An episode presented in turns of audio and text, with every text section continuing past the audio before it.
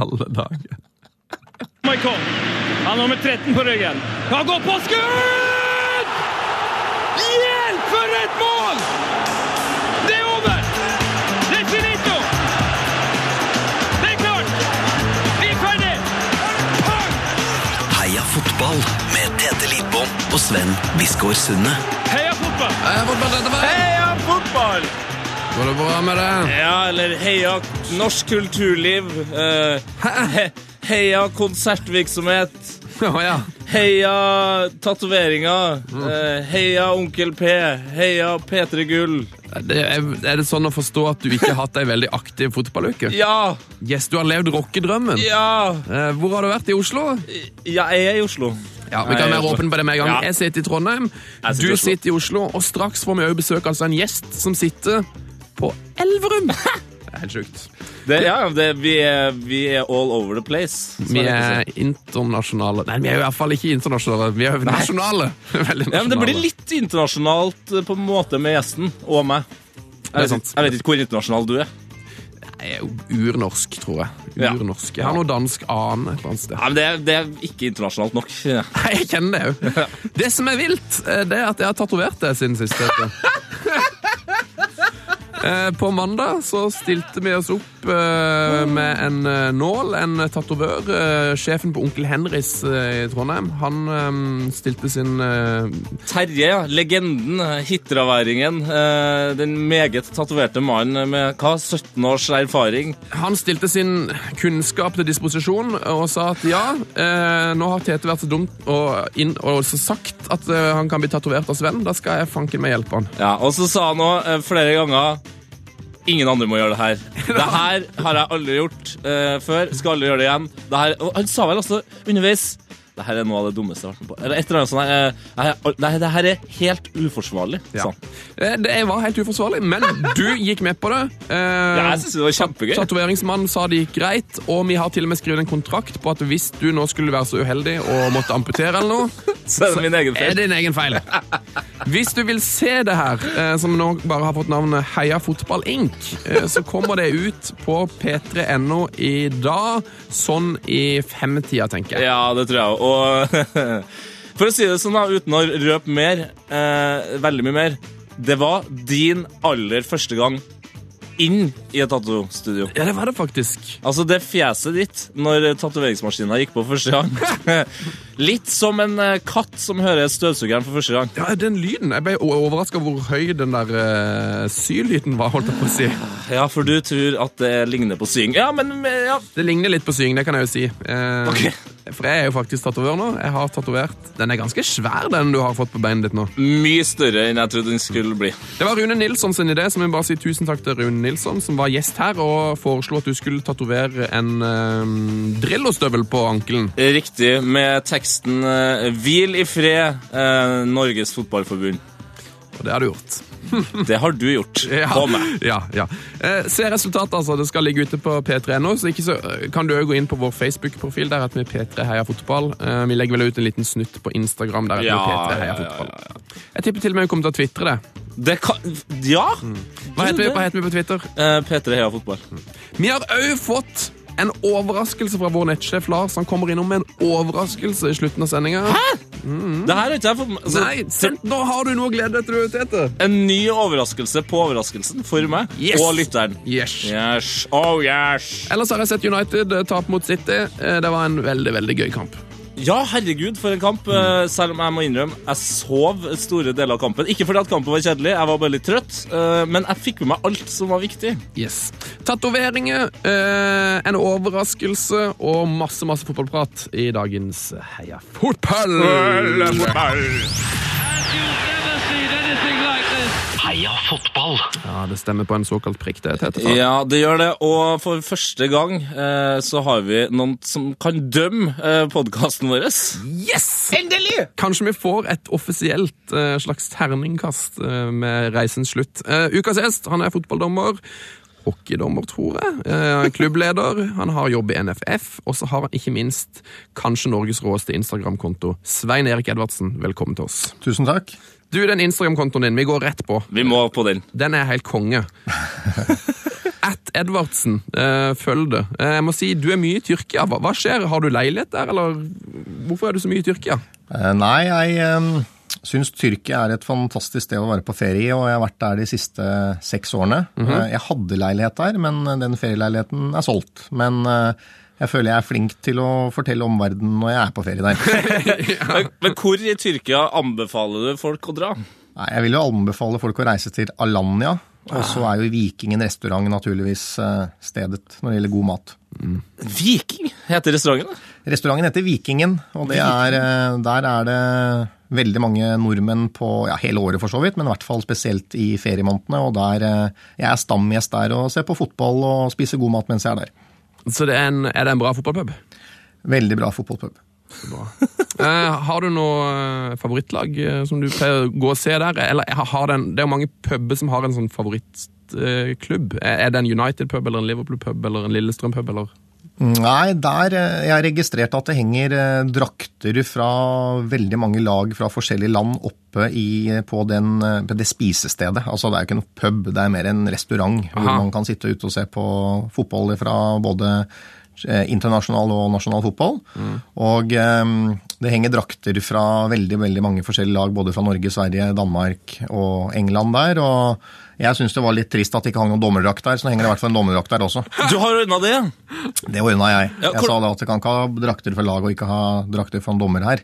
Men hvordan har, Du har jo vært dommer veldig lenge. i forhold til, altså Du er jo ikke veldig gammel. Men, men har du liksom et sånn, eh, litt sånn romantisk forhold til dommerdrakter? Nei, det det har jeg nok ikke. Men jeg starta å dømme da jeg var 14 år, faktisk. fordi da spilte jeg, på, da spilte jeg fotball sjøl på Storhamar.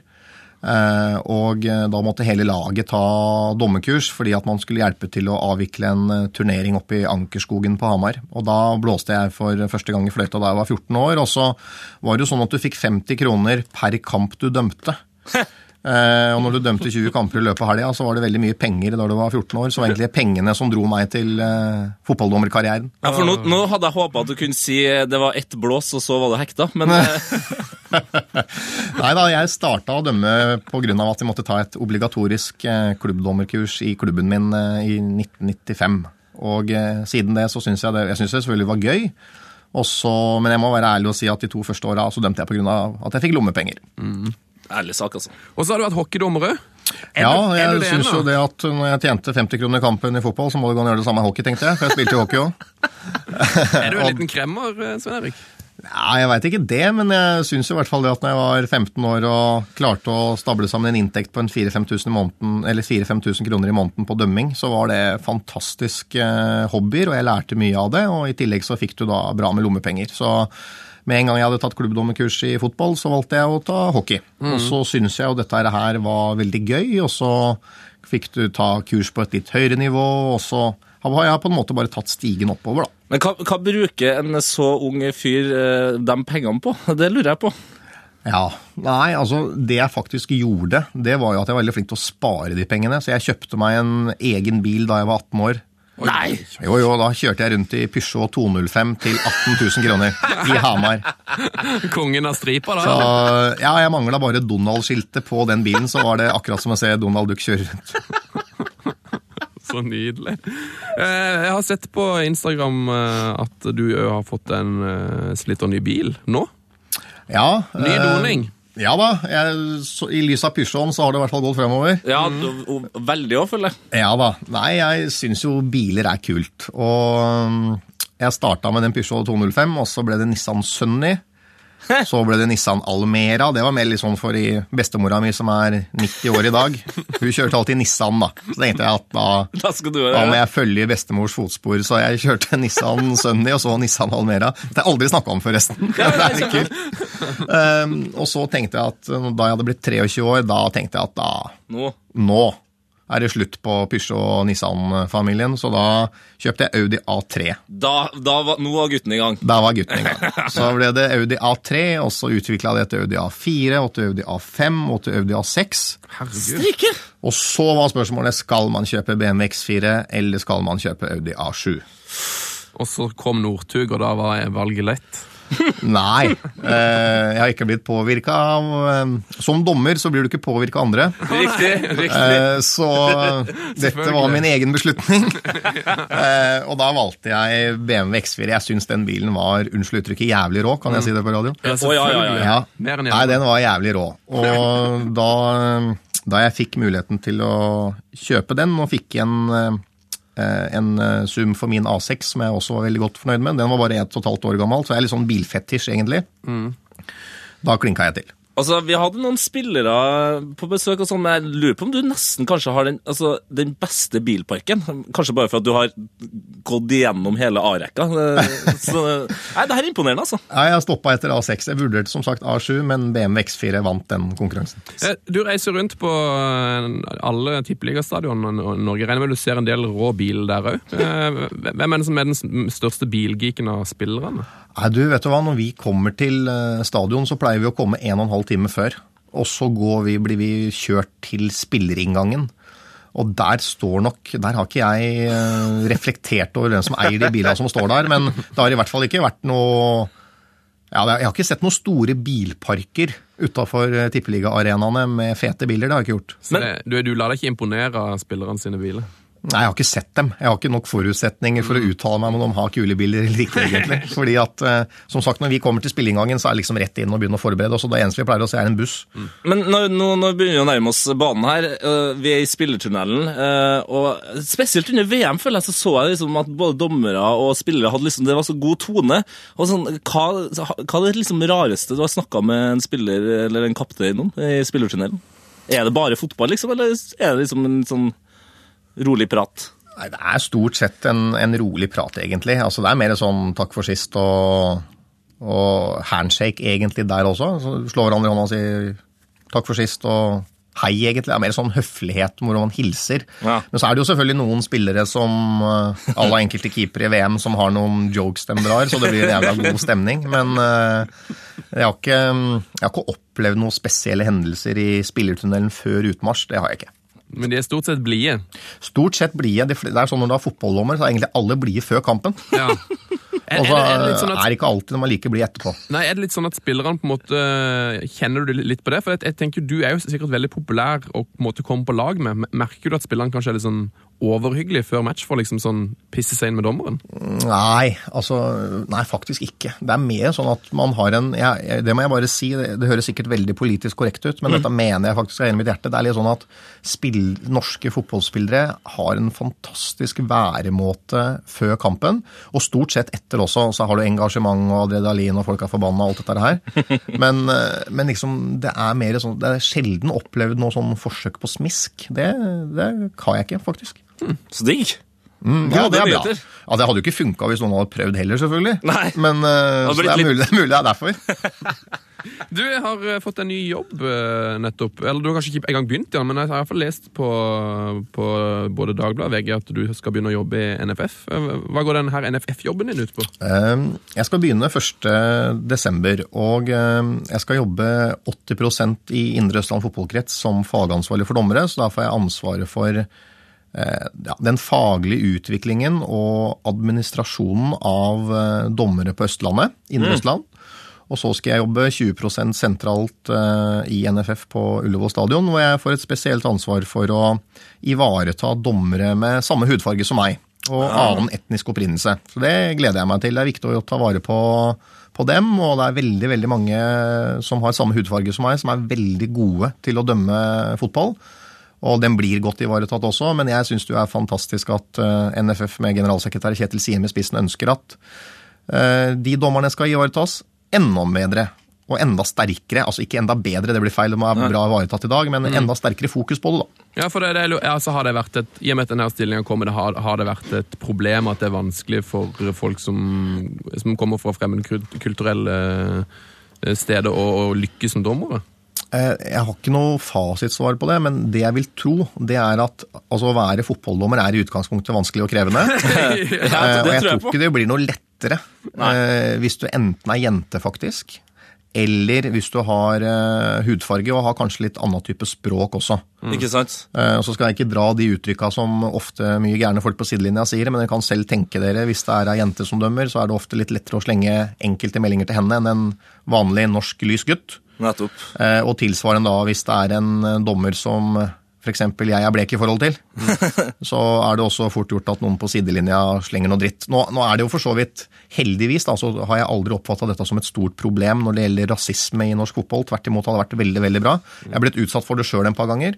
Men jeg må bare si at måten Fotball-Norge og Fotballforbundet alle har håndtert på, det har vært, vært veldig, veldig bra. og Jeg gleder meg til å samle alle dommere med annen etnisk opprinnelse og mørke dommere i Oslo, og prøve å hjelpe dem uh, på veien videre i sin dommerutvikling. Mm. Den, den, andre delen av jobben din det høres mer ut som en sånn slags en talentutviklingsjobb, er det? Å liksom hjelpe opp flere unge, dom, unge gode dommere? Ja, og kjenner, Jeg starta jo sjøl, som jeg sa i stad, da jeg var 14 år. og Det er klart at det er mange dommere nå på, i hele Norge, og spesielt da i Indre Østland, som er i alderen 16 til 22.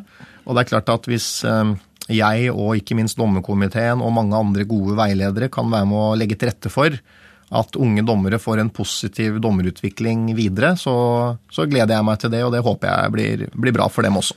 Men hva, hva, er måte Hva er det beste med å være dommer? Når, hvis du liksom skal eh, hjelpe dem her til å kanskje få litt mer motivasjon hva, ja.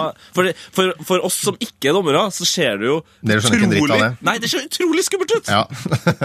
Nei, altså først og fremst så, så er det sånn at å være fotballdommer det er, For det første så er det en fantastisk hobby. Mm -hmm. Nå skal jeg forklare hvorfor jeg syns det er det. Ja. Eh, for det er det alle lurer på. Og, og, det er altså, For det første så lærer du utrolig mye av deg sjøl. Altså Å være fotballdommer det er ikke å kunne løpe en test og kunne regelboka. Altså Hvis det er noen som tror det, så er det helt feil.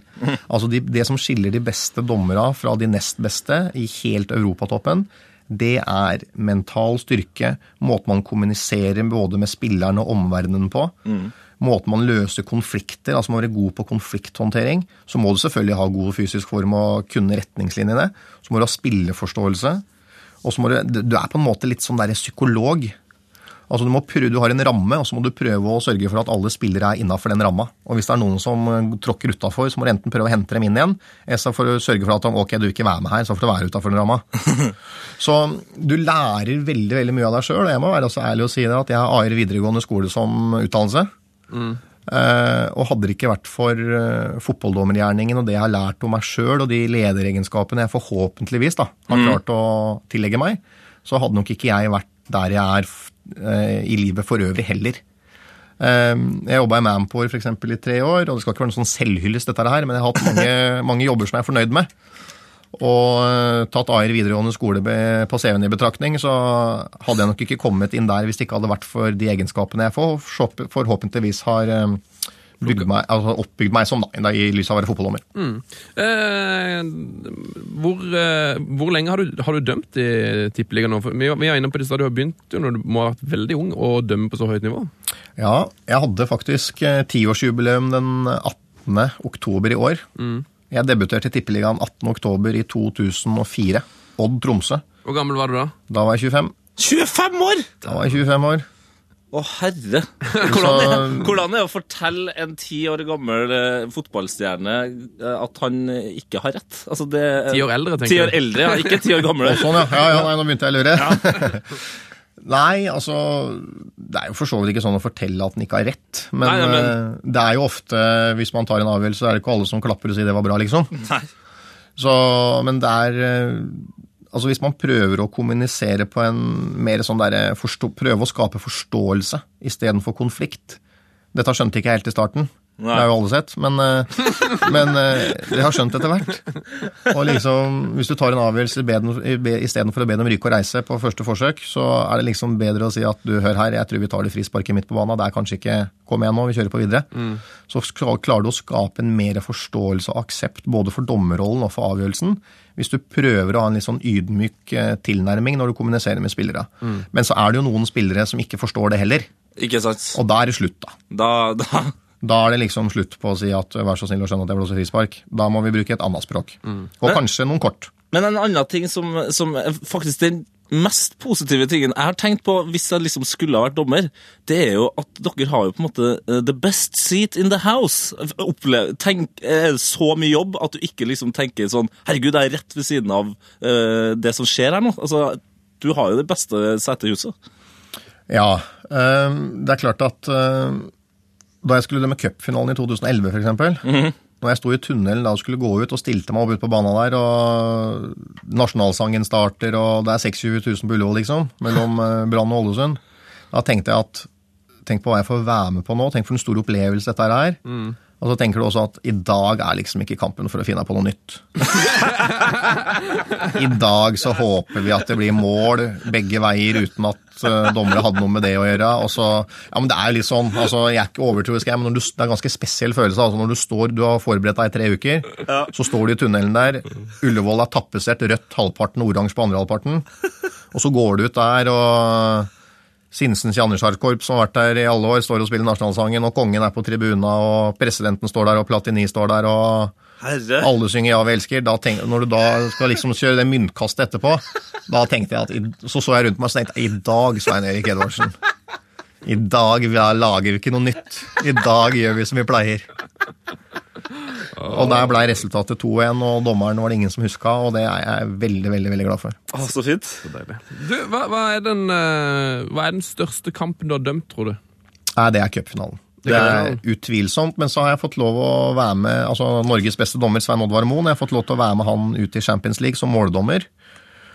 Og da er det klart at eh, det er mange som tror at måldommerne bare står der. Det er jo helt feil. Altså, for det første så skal han jo se om ballen er inne eller ikke. Det er ikke alltid lett, det heller. Derfor har jo da mållinjeteknologi kommet nå i VM, i hvert fall. Mens det andre er jo at når du er måldommer, så dømmer du faktisk i halve feltet. Ja. Altså Hvis jeg sier straffe, så blåser Svein Oddvar Moen straffe på kamp nå for 90 000 tilskuere. Han gjør det, ja. Ja, han gjør, eh, altså, gjør og gjør. Altså, han bestemmer jo. Jo. Men uh, det er hvert fall mitt, hvis mitt innspill til han er straffespark, og han ikke mener jeg er helt ute og kjører, så blåser han. Men det er jo dommeren til syvende og, til syvende og sist som bestemmer. Og det er ikke alltid dommeren følger innspillene fra sine assistentdommere. Det gjør ikke jeg i Tippeligaen alltid heller. Men eh, det er klart at uh, du kan se, se- selv se for deg, eller dere kan selv se for dere settingen. da, 90 000 på kamp nå. Og så hvis jeg da sier straffespark til Moen, og han blåser, så jeg ikke jeg bare kødda etterpå, liksom. Så du er relativt konsentrert og er beredt til å ta de viktige avgjørelsene. Det er det ene. Og det andre er jo at på corner f.eks. så har jeg sett det at når du står ved siden av målet der, uansett om det er Bayern München eller om det er Arsenal eller Chelsea eller Real Madrid eller Barcelona Når alle de stjernene står inne i boksen før corneren kommer, så glaner de noe jævlig på deg som måldommer. altså. Nå tenker de 'han ser meg nå'. Og hvis jeg holder eller dytter eller gjør noe, så sier han ifra til dommeren. Ja. Så det er en veldig sånn preventiv virkning at Ja. man også har flere dommere på plass.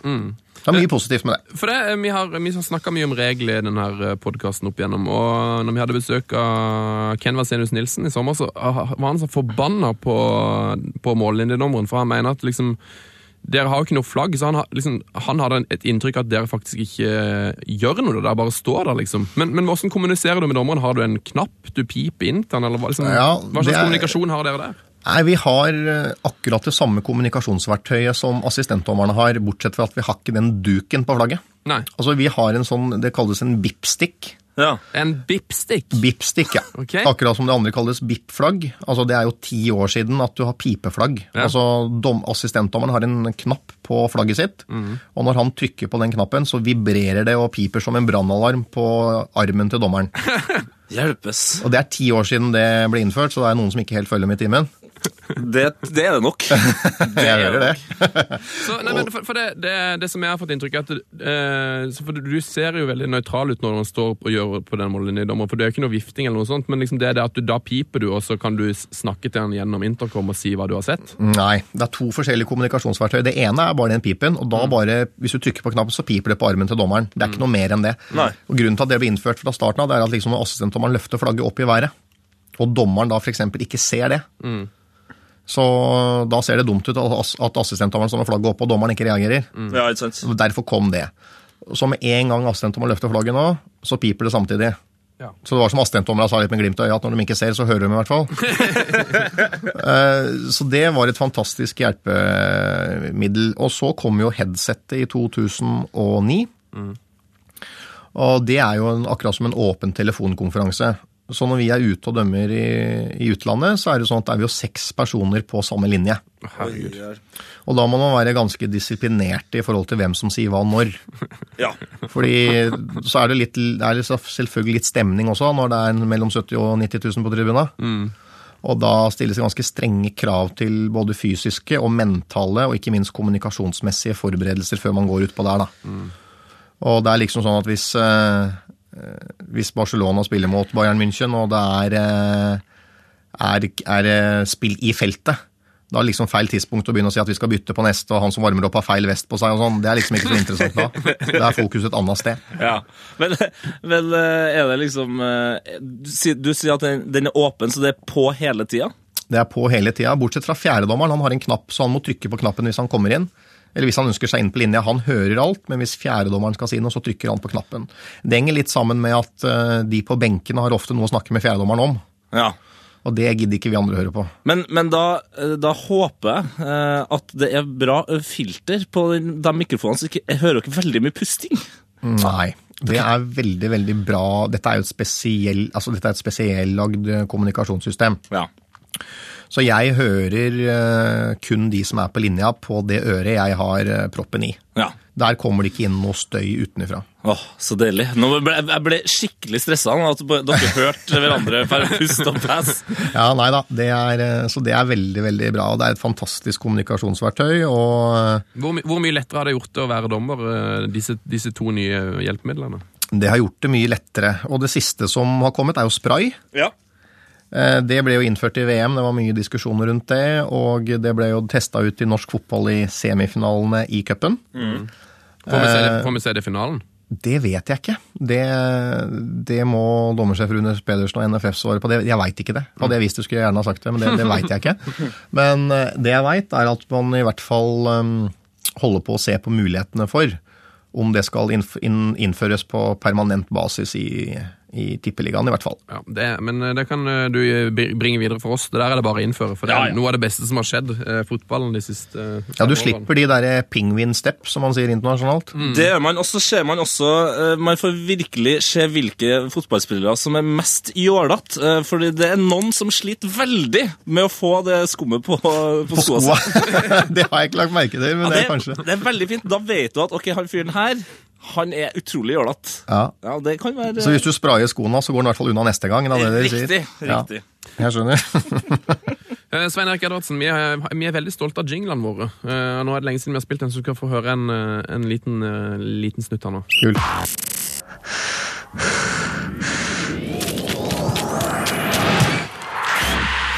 P3s Heia fotball med Tete Lidbom og Sven Biskår Sunde.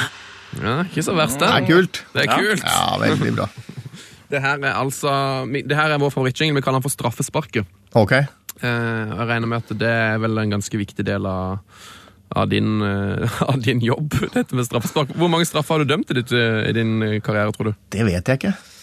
Teller du mye sånn Har du noe statistikk på hvor mange kamper du har dømt, hvor mange kort du har gitt ut og sånne ting? Nei, jeg har ikke det. Men øhm, jeg er styreleder i Norsk Fotballdommerforening, og der er det en som har ansvaret for å føre antall kamper. For vi har jo sånn utmerkelse hvis du har dømt 50 kamper, får du bronsemerke, har du dømt 100, får du sølvmerke, og, og så videre. Så jeg fikk sølvmerke for to år siden, så jeg tipper sånn cirka vil jeg anta at jeg ligger med 150-160 kamper i tippeligaen nå. Det er jo helt greit.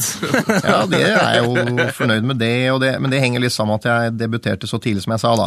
Ja. Tiårsjubileum i år, så Kan du, kan, du gå for, kan du gå for gull her, skal jeg si? Kan Ja. du bli den eh, dommeren som har dømt mest i Tippeligaen? Ja, det vet jeg ikke. Nei. Men jeg, nå tenkte jeg på gullmerket, som er 200 kamper. Ja, det Men får du til. Det får jeg til. Ja, ja. Men at eh, jeg tror vel eh, både Roy Helge Olsen og Rune Pedersen er veldig veldig høyt på lista over antall kamper, og dem debuterte da de var enda yngre enn det jeg var. Oh, ja. Eh, Så dem, eh, jeg tror det blir hardt å vinne kampen, men at jeg skal være med på øvre sikte, i hvert fall. Det er et mål. Jeg har jo 15 år igjen hvis jeg orker å være god nok. Du kan jo vinne banketten om ikke annet. Den skal jeg vinne. Er det noen regler for hvor lenge man kan eh, dømme i tippeligaen? 50 er grensa, Det er 50, ja. og så er det 45 internasjonalt. Så jeg har 15 år igjen. ja.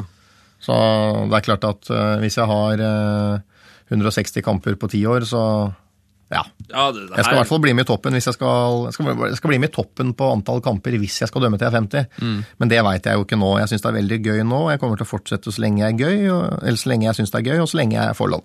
Men eh, har du noe på en måte dommerforbilder? Ja, jeg har jo det, selvfølgelig. Altså, Pilucci Colina, han uten hår fra Italia, han Ja. er jo nå dommersjef i Uefa. Altså, Han føler jeg liksom er, er en dommernes uh, Pelé. Altså, det er bare Alle vet hvem han er, og alle har liksom respekt for han. og er han, Har du møtt han? Ja, eh, jeg møtte den senest for eh, halvannen måned siden. eh, Da vi var på uh. kurs i Sveits for alle måldommerne i Champions League. Da var det han som leda det kurset i tre dager. Han er jo nå dommersjef i Uefa. Det er han som bestemmer hvem som skal dømme i Champions League. Eh, Og eh, jeg møtte han også i januar i fjor, da jeg var på Fifa-kurs og løp tester osv. Og, så videre, og det er klart at eh, han ser fortsatt eh, veldig bra trent ut, for å uttrykke meg forsiktig. Så når du nesten da er eh, ja, nærmer seg vel i hvert fall 50, hvis ikke eldre, og hvis du da, da kan du liksom ikke komme fra Norge og være 33 og feit og ikke klarer å bestå testen, liksom. Altså, Du kan gjerne gjøre det, men da får du flybillett ganske fort, da. Ja, det gjør det. Men er, han så um, autoritær som han ser ut? Han er, la meg uttrykke meg sånn, han er veldig sånn blid og hyggelig og rettferdig og sånn, men det er klart han er jo ikke relativt klar og tydelig. det, det, er liksom litt, det er vanskelig å misforstå hva han mener, da. Da, da mangler du en del evner hvis du misforstår det. Men at han er veldig, veldig fair og blid og hyggelig og Det er ikke noe sånn Han er demokratisk og fin fyr, han, altså, det har ikke ja. med det å gjøre. Men det er klart at når han først sier ifra 'dette mener jeg er sånn og sånn', da er det liksom ikke rom for så mye anking, da. Nei. Folk, folk sier jo at eh, liksom, Brasil er fotballens hjemland, og liksom alle de beste fotballspillerne kommer fra Brasil. Er det sånn at, er det et dommerland som har det samme? Er det noen, noen land som er kjent for å ha spesielt gode dommere? Ja, men jeg er vel kanskje til, eh, tilbake igjen til Italia, da. Altså, hvis man ser på hvem som har dømt VM-finalen de siste ti åra, så er det en del italienere der, senest i år. Og det er klart at uh, Italia er det mange gode Men altså alle de store nasjonene. Altså Tyskland, Spania, Italia, England. Altså Det er veldig mange gode dommere der. Og så er det jo alltid sånn at Jeg veit ikke hvorfor det er sånn. Det er liksom, nei, men Den beste dommeren i Italia han er den mest hata i Italia. Den beste dommeren i Spania er mest hata i Spania. Den beste dommeren i Sveits er mest hata i Sveits. Altså, det er, med, det er litt sånn tilbake til jantelov, egentlig. Ikke sant? At liksom, det er fordi han, nå, nå kommer han hjem, og så skal han dømme her. og så, Det der klassiske, dumme greiene der. Det har jo norske dommere blitt utsatt for òg. At det er sånn hvis du har dømt Champions League på mandag på kamp nå for 90 000, liksom. Og så skal du dømme en kamp i Tippeligaen her etter. Det er sånn, ja, nå, nå tror hun at den er kul. Nå. Altså, det, er jo, det er jo ikke sånn dette er i det hele tatt. Nei.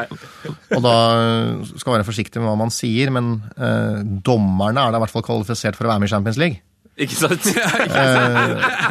Og, og det, det er sagt med glimt i øynene, naturligvis. Men eh, da, det er ikke sånn at eh, dommere som er ute der, ikke er eh, like seriøse og ta oppgaven like seriøst som man kommer hjem. Det er noe forbanna sprøyt, for å si det rett ut. Det kan være at det var satt, sitt noen i en lyseblå skjorte og følte seg litt truffet nå. så det, det, det er et lag eh, som sliter litt grann i Champions League, som kanskje ikke burde gjøre det. Men eh, det kan vi snakke om senere. Absolutt. Eh, nå tenker du på Manchester City nå? Eh, siden du er United-fan, så måtte du selvfølgelig nevne laget. Eh, ja, Ja, jeg har to favorittlag. Det er Hamar idrettslag, som spiller i fjerdedivisjon på Hamar, som jeg står i. Og så er det Sanner gutter 14, som jeg dømte en kamp i år. Hæ? Men så Du står i mål?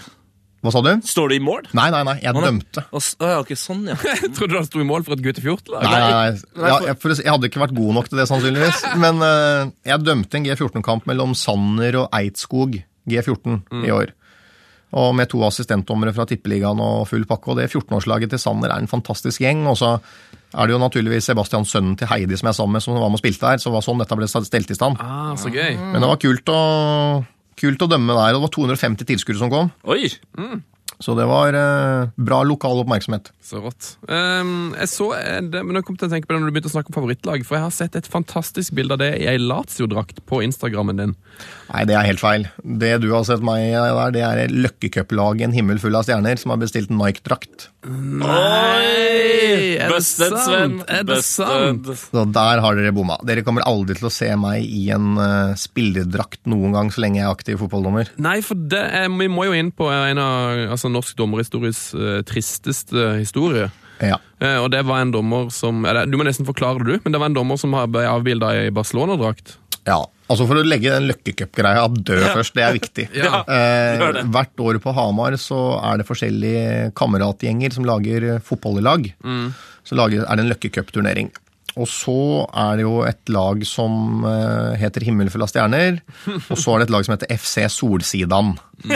Så jeg har da bytta klubb fra en himmel full av stjerner til FC Solsidan. Og jeg har vært med på den turneringa i ti år også. Så jeg har ti drakter som det står nummer én Edvardsen på på ryggen. Fordi da jeg dømmer den løkketurneringa, så er det sånn at hvert lag må også stille med en dommer. Ja. Og da har jeg da sagt ja til å være dommeren til en av disse laga. Så jeg dømmer løkkecup eh, for kameratgjenger hvert år i juli, og da må jeg ha draktsett på lik linje med de andre som er med på laget. Hvis jeg har litt følelse, når jeg, litt lagsfølelse hvis laget vårt skal vinne. Yes. Så det var det. Når det gjelder den andre, så var jo det en assistentdommer som, som var litt uheldig og tok på seg en drakt før han skulle dømme en kamp, og så blei det dessverre store konsekvenser, da. Det var snakk om Champions League-finale. Ja da, det var det. Uff. Utrolig trist. Så, ja, det er veldig trist, men det er klart at eh, Nå kjenner ikke jeg detaljene der, men det er klart at uh, hensikten var god, men resultatet ble dårlig. Ikke sant? Men det er, er det liksom er det irriterende at det er så strengt, eh, eller klarer du fint å leve med det og glede deg til å må nesten være sånn, altså. Ja. altså. Som jeg pleier å si, da. Eh, altså Hva folk syns om meg, hva de sier om meg, altså om jeg er pen eller stygg eller svart eller hvit eller tjukk eller tynn, altså det tar jeg med knusende ro. Mm. Om noen syns jeg er god eller dårlig, og det bryr jeg meg ingenting om. altså det som, Og hva som sies på TV. Altså I starten, når du får kritikk, så må jeg innrømme at jeg leste mye og reagerte, og dette var kjedelig, og mutter'n turte ikke å gå på butikken på 14 dager og alt sånt. Men, men etter hvert så tenkte jeg at eh, ok, la, dem, la han si hva han vil, da. La dem skrive hva de vil. Det bryr jeg meg ingenting om, så lenge jeg er trygg på meg sjøl, og TV-bildene viser at jeg gjorde rett eller gærent. Så gjør jo gærent noen ganger. Og Da må vi evaluere det og prøve å gjøre det bedre neste gang. Ja, du, du sa det jo i stad at eh, liksom, eh, de første to sesongene så hadde du kanskje en, eh, en stil som gjorde at liksom, du, du gjorde mer feil enn det du gjør nå. Og jeg, jeg husker veldig godt du fikk jo Det var en del saker på at, liksom, at du hadde gjort feil. og du, Jeg tror til og med du ble kåra til en av de dårligste dommerne i Norge. og sånn, og du, liksom, Det var liksom litt pes rundt deg da. Ja. Var var det sånn at man liksom tenker sånn Fanken, det her gidder jeg ikke mer. Har, Ja, har du det- tenkt på å slutte, liksom? Jeg gjorde faktisk det. I 2009 så tenkte jeg på å slutte. Fordi altså, Da jeg debuterte i 2004 og 2005, så var det Ung og lovende og alt var julaften. Ja. Og så i 2006 og 2007 også, så var det òg litt sånn ja, han er god, og han er under 30 og Så alt, og det var liksom ikke noe problem. Men så kom jo hverdagen her, ikke sant. Og når da du dømte en del, og så ble det jo veldig sånn opphausa. Altså jeg var ung, jeg var lovende, jeg var eh, toppdommer både i hockey og fotball i en alder av 25. Altså det blei masse positiv oppmerksomhet, da. Og da blir jo fallhøyden desto større. og når du da begynner å dømme dårlig, og så begynner du å miste selvtillit. Og så hadde jeg da, for å være ærlig, hadde vel en selvtillit som var for høy i utgangspunktet. og, men det kan jeg love dere at den ble fort jekka ned, da. Ja. Og det er klart at når du har politieskorte ut fra Åråsen, altså når du banker på døra di, så sier han politimannen du, hvor har du parkert hen? Altså Da skjønner du at det har skjedd noe. da. Å, herre. Og, Hva er det som hadde skjedd da? Nei, det som hadde skjedd, var jo at vi annull- annullerte et par mål på overtid. Som for øvrig var riktig. Men det var jo ikke alle der som syntes det var riktig. Det var ikke alle som var enig, nei. Nei. Og da, men det er klart at når du sitter i politibilen, da begynner du å tenke deg fy faen, er det banner jeg, skulle ikke ha gjort på radio, kanskje, men Jo, bann i vei! Bann i vei, ja. Da begynner du faen meg å tenke hva, hva er det som skjer her? Ja. Er det verdt det, liksom? Ja, er det verdt det? Og så er det litt sånn at eh, så blir det jo da På den tida i hvert fall, så ble det jo en voldsom oppmerksomhet på hvor dårlig du var. Og det er klart at fra å ha vært eh, ung og lovende, og noen mente du var best i Norge, så er du plutselig dårligst i Norge. Så det snur seg fort, da. ja. Men så tenkte man litt sånn at det er på en måte i motgang man merker om man er sterk nok til å holde på med dette egentlig. Ja. Og en som heter Henry Øberg, som var tidligere toppdommer, han var som en far for meg i 15 år, og han ga meg en oppfølging som eh, ja, som ikke ligna grisen, rett og slett. Den var helt fantastisk fra A til Å. Eh, Jeg husker han sa til meg Han var jo med i politibilen, han òg, ikke sant? For han var jo så på. Og så sa han det til meg at uh, han var en mann med mange historier og glimt i øyet. Så han sa det til meg at fy fader, jeg har dømt dårlig, jeg også, men jeg måtte være med deg for å sitte i politibil. Det har jeg aldri opplevd før. Så han hadde liksom den innfallsvingeren hele tida. Og så sa jeg det til når jeg satt i politibilen, så sa jeg men hva er det som er problemet egentlig? Altså? Så sa han få gå hjem og se deg sjøl i speilet, så ser du problemet. Sånn. Ja. Og det, det verste av alt, Jeg gikk jo hjem og så meg selv i speilet, og det er verste av alt, for jeg trodde jo på alt han sa. Og Så tenkte jeg at her er problemet. og da sa han det i 2009, da, etter at vi fikk igjen vår bil og fikk plassert han eh, mannen på 78 hjemme. Ja. Så sa han det at jeg tror du dømmer cupfinalen om to år, sa han hvis du gjør som jeg sier. Ja. Og liksom ikke cupfinalen du tenkte på når du satt i politibilen på vei ut fra Åråsen. Nei, det skjønner jeg. Men han hadde rett. Det ble det. Det ble det. Så han hadde rett, da. Så han hadde veldig mye Han døde dessverre kort tid etter cupfinalen, men jeg er veldig glad for at han fikk være med å oppleve det. Oi. Det var like mye hans fortjeneste som min, faktisk. Nå fikk jeg gåsehud. Det var en veldig, veldig Ja, det fin historie. Det finnes det. Eh, Åssen eh, hvordan trener man på dømming? der, har jeg lurt på.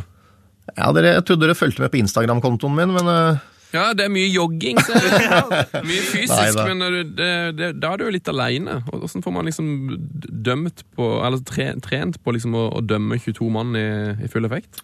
Um, altså den dagligdagse treninga foregår jo enten ute eller på mølle. Det Ja. gjør det jo. Altså i forhold til å løpe og holde seg i fysisk form. Men vi har ganske mange praktiske øvelser. Da vi var på den samlinga som vi snakka litt om i stad, i Uefa f.eks., så var det faktisk leid inn to lag. Da snakker vi ordentlige spillere på U21 som var veldig, veldig gode. Oi. To italienske lag, U21. Og det var bra nivå, altså. Det var ikke sånn uh, sjette divisjon. Det var Nei. knallnivå. Og da var det sånn at jeg og Ken Henry Johnsen, da, som var de to fra Norge, da var, sånn, da var han måldommer, og så jeg, var jeg dommer. Og så switcha vi. Ja. Og så hadde jo de spillerne fått beskjed om hva de skulle gjøre, naturligvis. Ja, Ja, De får, de får instruksjoner? De har fått instruksjoner av Colinaco. Og så blir alt dette filma. Oi. Og så presenterte da Colina 26 klipp dagen etter. Ferdig redigert i alle vinkler. Det er liksom ikke noen ressursproblemer. Så rått. Så øh, da Ken Henry Johnsen og jeg skulle i ilden, så var det jo Ja, noen prøvde å filme, og var det gult, var det rødt, så ja, de lagde et, Unnskyld uttrykk, de lagde et helvete for oss, de spillerne. Altså, de konstruerte situasjoner som øh, Ja, altså, altså, det var ikke sånn at det var unormalt. Nei. Altså, altså det er situasjoner som er helt relevant som kan skje.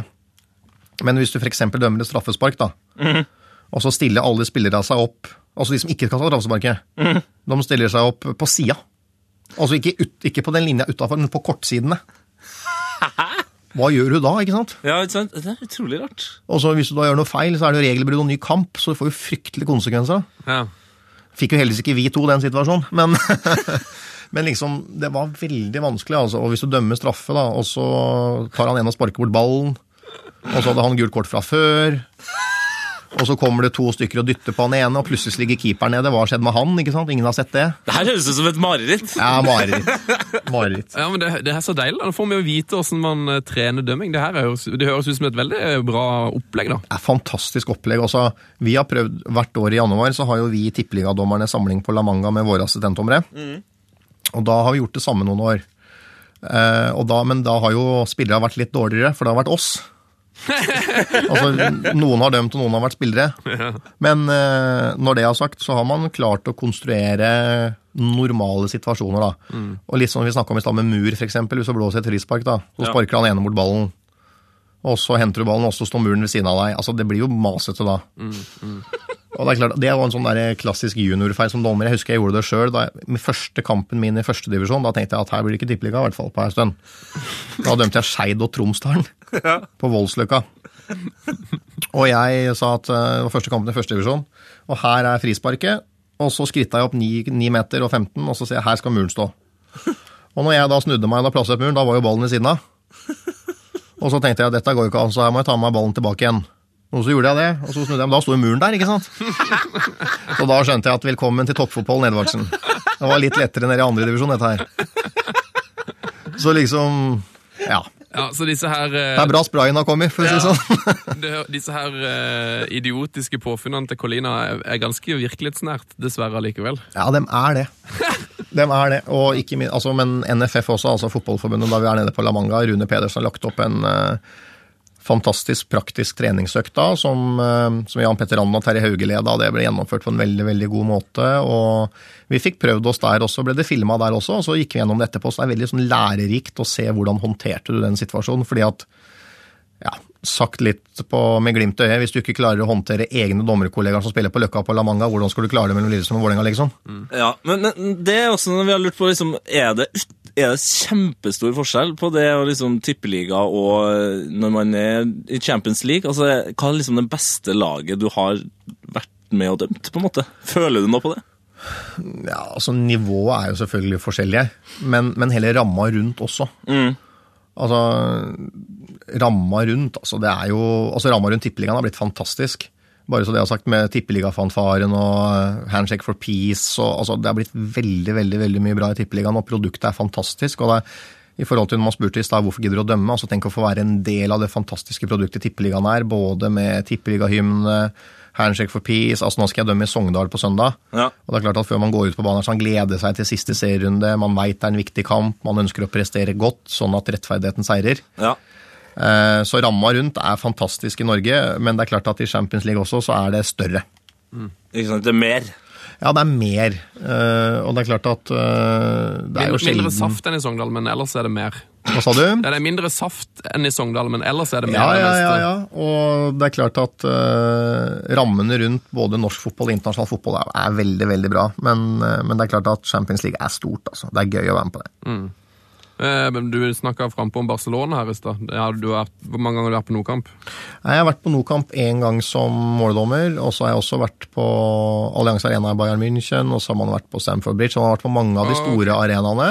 Ja, ja. Og det er jo veldig, det er veldig gøy å få lov å, å være med på det, og det er veldig, veldig positive minner man tar med seg tilbake. Så at Svein Oddvar Moen er så god som han er, som gjør at han kan få dømme der, da får vi andre lov å være med og oppleve ting også. Deilig. Eh, Du sa på at det er siste runde nå til helga, og da regner jeg med at i hvert fall Sogndal-spillerne skal ta seg en fest for å feire at sesongen er over. Er det sånn med dommerne? Samles dere for liksom eh, sluttfest for sesongen? Det gjør vi, men det gjør vi i forbindelse med cupfinalehelga. ja. Cupfinalehelga så samles alle dommerne på SAS-hotellet i Oslo i tre dager, fredag til søndag. Eh, dommerne som skal dømme cupfinalen, er ikke på det hotellet. Av eh, forståelige Av eh, helt naturlige årsaker. Så i 2011 så bodde jeg på SAS Fornebu, mens resten eh, ikke bare drakk vann. Eh, så ja, det er en heidundrende avslutningsfest, og det er middag, og det er med følge. Oi, oi, oi. Så det er nok en ca. 100 mann til middag hvert år. Å, så deilig. Og det er for alle dommerne i Tippeligaen, førstedivisjon og toppserien, med følge. Du må love at du legger ut eh, et bilde eller to på Instagram da når dette her skjer. Jeg, jeg har lagt ut så mange bilder av hun Heidi Anita Berget, så jeg tror jeg blir singel hvis jeg legger ut så mye mer. Men eh, nei da, jeg skal love å poste det. Du får legge ut fra baren i hvert fall med, med en av de andre dommerne eller noe. Uh, Ja, ok, ok. time will show. yes! Oh, yes! Heia fotball! Yes, eh, Heia fotball er show. Vil du oss noe, så kan du sende oss en e-post eh, med nrk.no Og det er det mange som har gjort, eh, for det, mm, vi har jo lagt opp til en litt sånn dommerspesial i dag. Eh, Det her har vi gleda oss til, altså. litt ekstra fokus på regler. Fått inn masser av spørsmål. Eh, Vi var jo inne på en sak her i stad, så vidt, som vi bare kan ta med en gang, og det var jo at eh, i City-kampen Jeg vet ikke om du så den i midtuka, Stein Erik? Nei, jeg gjorde ikke det. Jeg ble i Sveits og dømte Altså Uefa starta noe som heter Youth League. Okay. Sånn at det er liksom en forkamp til Champions League-kampen. Ja. Så jeg var og dømte U19-laget til Basel mot Ludgorets i Sveits. Så var vi og så på Basel-kampen eh, i Champions League på kvelden. Oi. Så det er veldig sånn fantastisk opplegg det Uefa starta med. at liksom Før hovedkampen så spiller eh, de respektive lags U19-lag. Så kult. Så jeg har ikke sett noe annet enn den kampen i Basel. Ja, for I den kampen så, mm, så skjedde det noe spesielt. og det var at han Pontus Wernblom, som spiller for CSKA Moskva, han fikk først et gult for, okay. en, for en obstruksjon. Og så skulle han fått et gult til, for han holdt Aguera eller et eller annet sånt. Men så ga dommeren han så feil og ga, dom, og ga gult til eh, andre midtstopperen. Ok, Så Wernblom skulle egentlig da fått rødt, i- i hvert fall i, sånn som jeg oppfatter situasjonen. ok. Eh, Kan, kan det gis noe straff i ettertid på, på sånne ting? da, hvis liksom... Ja, det, det der er veldig vanskelig å svare på, for dette er ikke noe regelspørsmål. Dette er liksom, Det har skjedd en situasjon hvor dommeren har vurdert riktig eller gærent. Så når jeg ikke har sett situasjonen, så er det veldig vanskelig for meg å svare på det. altså. Fordi altså, Konkrete regelspørsmål og retningslinjer skal jeg svare på alt jeg kan, men, Ja. men liksom en situasjon jeg ikke har sett, er veldig vanskelig å si noe om. altså. Det er ganske forståelig. Ja. Så du, du dømmer, Hvis du ikke ser noe, så dømmer du ikke, på en måte. Det, er det en regel? ja, altså, La meg uttrykke meg sånn, hvis vi er i tvil, så spiller vi på. Ja, riktig. Lurt. Ja. Eh, Vi kan ta en eh, mail som jeg har fått fra Finn Gjeråker. Eh, Som er skriver at han er lagleder for Oslos triveligste bedriftslag, Oslo Fruktfotball. Ok, det er kult. Eh, Hei til Finn. Eh, God aften. Jeg har lenge irritert meg over en regel som er blitt glemt gjentatte ganger. Eventuelt så er den gjort om på eller tatt vekk. Dette kan nok deres gjest svare på. Og det er da snakk om denne eh, sekssekundersregelen. Ja. Er denne regelen fremdeles i boka? Og i så fall, hvorfor glemmer dommeren den gjentatte ganger? Eh, svaret er ja, den er fortsatt i boka. Eh, vi har ikke glemt den. Eh, men vi må vel være ærlige og si at det er etablert en praksis som gjør at vi ikke er veldig strikse på det. Men, men når det er sagt, så hvis man følger nøye med når man sitter og ser på en fotballkamp Det er ikke få ganger vi har kommunisert til keeperen at nå må han få ræva gir. Ja, ikke sant? Eh, og det er ikke sånn at vi løper bort til han, men eh, da er vi inne på det at man blir litt eldre, og blir litt lurere som dommer også. Altså Seinest da jeg dømte um, Bodø-Glimt Brann for to uker siden, så gikk jeg bort til eh, en Bodø-Glimt-spiller og sa at du, hvis ikke han keeperen din, enten skyter du ut ballen raskere heretter, eller klarer å telle til seks, så kommer han til å få et stort problem. Så enten så må du fikse det før det blir et problem, Ja. eller så må jeg fikse det, da blir det et problem. Så vi er veldig sånn preventive og proaktive for å prøve å unngå både det ene og det andre. Det, det, det gjelder alt alltid å holde på med fotballdømming. Altså for eksempel Hvis vi holder inn en corner og sier til to spillere at nå holder det, det jeg ser at dere holder og dytter nå, eh, når ballen kommer etterpå, hvis dere gjør det samme da, så kommer vi til å eh, handle, rett og slett. Men, men hvorfor gjør man egentlig det? For det, det, er, det har vi lurt på før her i podkasten. Liksom, når man ser holdning før en corner, Ja. hvorfor går man da inn og så forklarer De kan jo reglene. Ja, Så det må, må jeg heller bare si sånn Er det ikke mye lettere å bare gi Bare dømme 100 straffer en sesong, og så må folk så må folk bare innfinne seg med at reglene er sånn som de er? Ja, nå snakker du med en fagmann på området. Fordi jeg, jeg tror jeg blåste sju straffespark jeg, i 2008 for Holding. Ja. Og du kan jo google og se åssen det gikk. Og da får du kritikk for at du gir for billig straffe. Ja, ikke sant? ja. Men, men, men derfor er det litt sånn at man skal jo prøve å altså Å dømme fotball, det, det dreier seg veldig mye om å selge avgjørelser på en god måte. Ok. Jo, det gjør det. Gjør det. Altså, jeg dømte Lillestrøm Stabæk i år. Rødt kort etter tre minutter. Det er ikke favoritten det, eller kanskje? Jeg vet ikke. Nei, jeg syns jo, jeg syns jo synd på han keeperen på Stabæk som debuterte Ja, ikke sant? for første gang. Og, men det røde kortet var soleklart. Jeg måtte bare gi det. Det er nesten så jeg beklager, men jeg må gi deg det røde kortet. Frode Kippe kom og tok rundt den og sa sorry, han òg. Altså, det- man må følge reglene, naturligvis. Ja. Men måten Når jeg da blåste straffe og ga rødt med en gang, så var det ingen diskusjon. Nei. Hadde jeg blåst straffe og snakka med begge assistentdommere og tilskuere, så hadde jeg vært der enda, ikke sant? Så, så liksom, det, det er snakk om å selge avgjørelser på en god måte. Og hvis man da viser for hele omverdenen er Stopp, stopp, stopp, stopp, stopp. Holder igjen corneren. Dere to kom hit. Dere to må kutte ut dere holder på med nå. Hvis du da blåser straffe neste gang, med en gang ballen kommer da de ikke har skjønt budskapet, hvis du da blåser straffe, så får du mye mer aksept. Da, da tenker vanlig mann i gata herregud, han spilleren han er helt idiot. Han fikk beskjed av dommeren i stad, og så gir han seg ikke. Istedenfor at du bare hadde skytet fra hofta og blåst med en gang. Jeg har prøvd begge deler, og jeg vil fortsatt anbefale å prøve å være proaktiv i forkant. Ja, det er sikkert lurt. Det, der. det bare det ser så dumt ut når man sitter og ser på. liksom sånn, De kan jo reglene, må jo Ja da. Ja, det, det ble først og fremst fotballspillerne vi blir irritert på her. Ja, ikke, eh, ikke, ikke det. Jo, men hvem men altså, da kan jeg, Igjen da, hvem får skylda? Er det spilleren som holder som får skylda? Nei, Nei, nettopp. det er ikke det, vet du. Nettopp. Eh, Det var forresten eh, Skulle jeg hilse fra Finn, som sendte inn mailen og si takk for en nydelig podkast. Og så må jeg takke gjesten for flotte feriebilder, spesielt de fra Tyrkia. Ja, veldig bra. Ja, det er bra. Så du må fortsette med det. Ja, som jeg nevnte i stad, altså Jeg bor jo litt på Galterud, litt på Hamar, og Heidi Anita Berge er ei beskjeden jente fra Galterud, men eh, etter at vi var på ferie i Tyrkia, jeg begynte å poste litt bilder, så det er som dommerkollegaene sier, alle føler de kjenner henne. Ja, jeg føler jeg, jeg, har møtt henne ofte. Dere føler det, dere òg, ja? Ja, ja, Hun er der ofte. Hun sitter og spiser middag inne på Instagram. og sier, «Hei, der er hun. Hei, det, hei, det. Virker, virker trivelig. Du får hilse. Jeg skal hilse Heidi. Jeg har fått eh, enda en mail. Eller vil du ta en, Tete? Har du noen på gang her? Eh, Du, jeg har, eh, vi har jo vår venn Wolfgang V. Å, ja da. Han er ekstremt opptatt av regler. Wolfgang, ja? Wolfgang, Ja, ja. Kjenner du han? Nei, jeg gjør ikke det, men dere sier vår kjente venn, så har han sendt før, kanskje? Ja, ja jo, han, Nei, Han jobber i P3, han har vært gjest her og greier. Ja, kult. ja, og her har han eh, Vi kan starte med én her, da, så får vi se hvor mange vi rekker. Men eh, den her eh, handler om offside. Ok. Eh, offside bør opphøre fra 16-meteren til dørlinja. Hvor mange mål har ikke blitt avblåst, eller dommere som har fått totalslakt for at det er en hårfin offside inn i boksen? Eh, offside er jo i hovedsak en regel som skal forhindre fisking. Hva tenker du om det? Er ikke det en ganske god idé?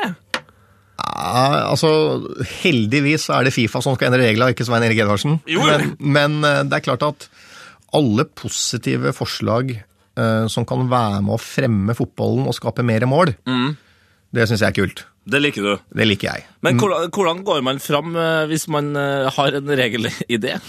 Nei, da, da fungerer det sånn at de ulike forbundene som er medlem av Fifa, kan sende inn forslag til Fifa.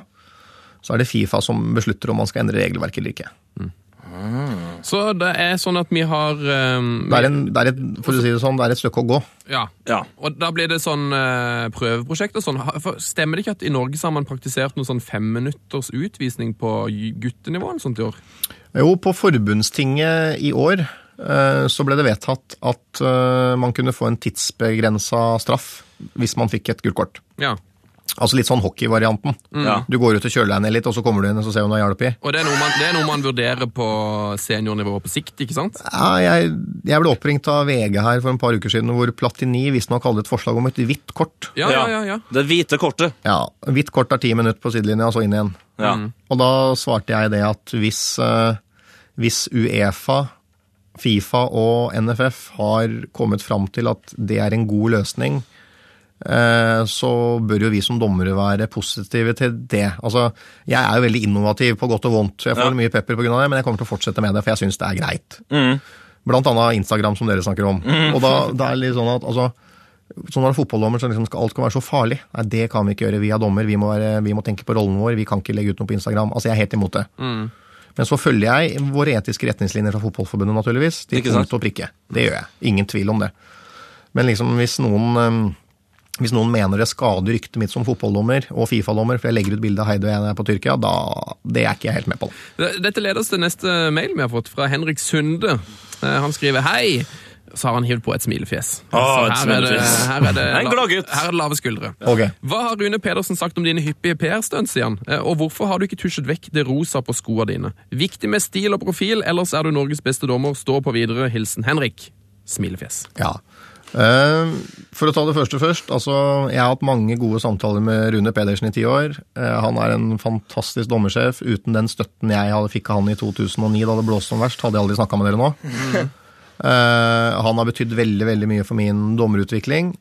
I lys av at jeg da Vi er forskjellige, vi 16 tippeligadommerne.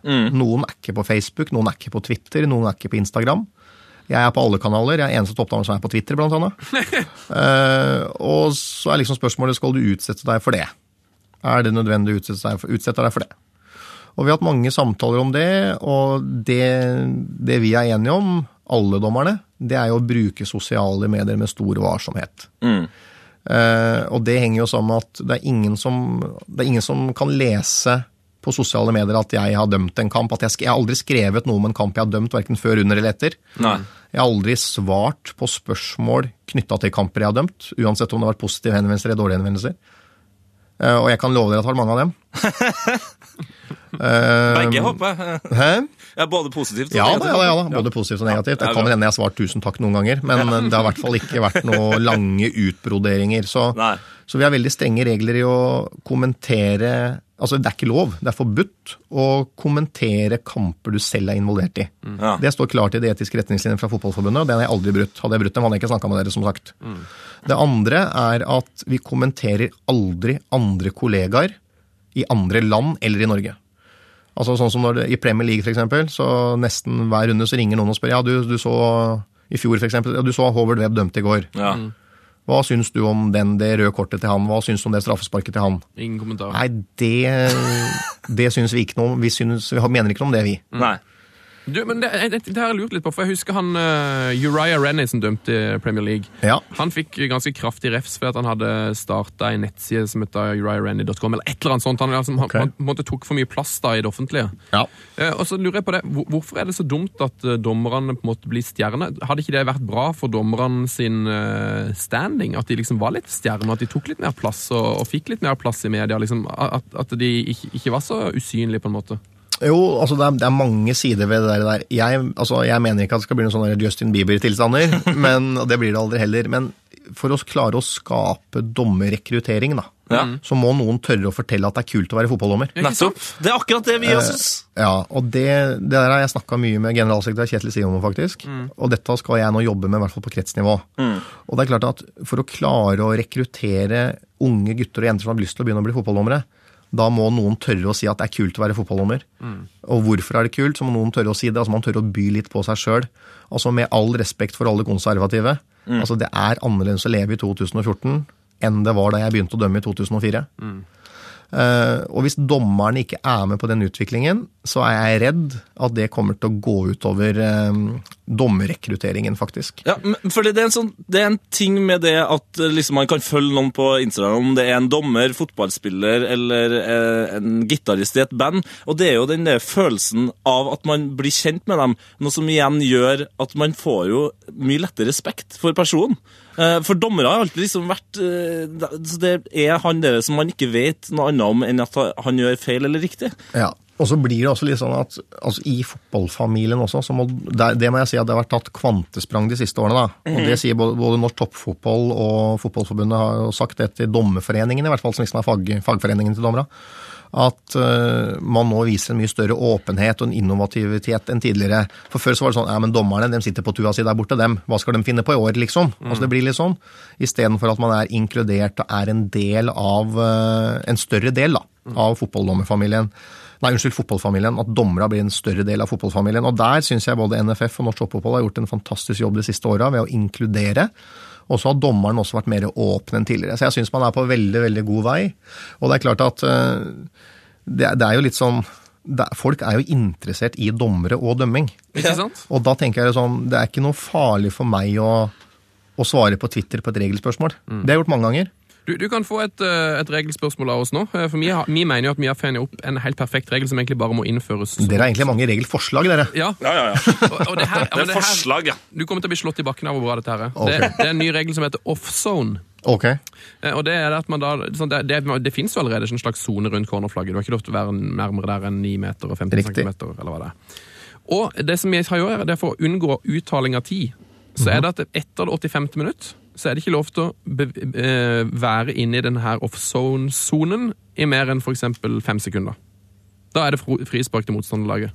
Da, Ok. da blir man kvitt eh, uttaling av tid med Ja. cornerflagget. Ja. Er det bare å og, og sende inn den, eller? Send til Fifa. Ja. Det, har du nummeret til Colina, eller? Så, Er ikke det en kjempe, kjempeidé? Jeg tror det må til Blatter. det var måtte Blatter, ja. Men uh, du finner sikkert mailadressen hans på fifa.com. Men uh, nei da, altså igjen, for å være seriøs. altså Jeg syns alle sånne forslag som kan være med å fremme det positive i fotballen, er veldig, veldig veldig bra. Yes. Jeg syns det. Så da, Men da kan håpe vi at du tar det her med videre, eller så skal vi prøve litt mer for å få det liksom pusha fram. Ja, altså igjen, da. F.eks. det hvite kortet-forslaget til han Platini. Det forslaget der altså det er, det er mange, mange gode forslag, men samtidig så er det veldig viktig å å tenke at hvorfor har fotball blitt så populært i alle år? Ikke sant? Altså, Det må ikke bli for mye heller. Nei, men, men det er litt sånn, du, du dømmer jo i, i hockey, er det liksom, der er det jo mye, eller om det er flere regler, jeg vet ikke, men det er på en måte, Ja, mange flere. det, det også handler det liksom ofte om effektivitet da. Som kanskje fot, øh, for fotballfans er jo så veldig redd for at uh, jo mer regler, jo mer oppstykka er det, men Mm. det er vel kanskje derfor reglene er der, for å få flyten til å være bedre.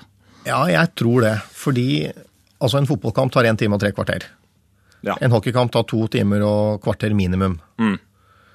Eh, Det er en halvtime forskjell. Ikke at det er all verden, men det er jo effektiv spilletid i ishockey, naturligvis. Men jeg syns jo vi som dommere har blitt mye flinkere til å legge til tilstrekkelig med tid. Ja. Og, så har jeg jo, og der mener jeg at både lag og spillerne også må tenke seg litt om, og det har jeg sagt til flere av dem. Altså Senest i år så dømte jeg en kamp, kamp altså lag og spiller ikke nevnt, men jeg dømmer en kamp hvor det er 2-1. Og jeg får klar beskjed om at her må jeg legge av til åtte minutter minimum av en par spillere.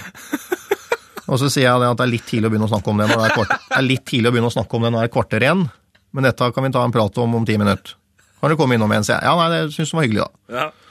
Hadde det vært før, så hadde jeg bedt om å dra et sted og ikke komme tilbake igjen, selvfølgelig, men jeg har lært litt. Da, da, ja, da utvikla det du også. Ja, og så ut, det utvikler seg. Og så skjer jo dette her at det er, blir 2-2 her. Og så blir det fader meg 2-3 òg.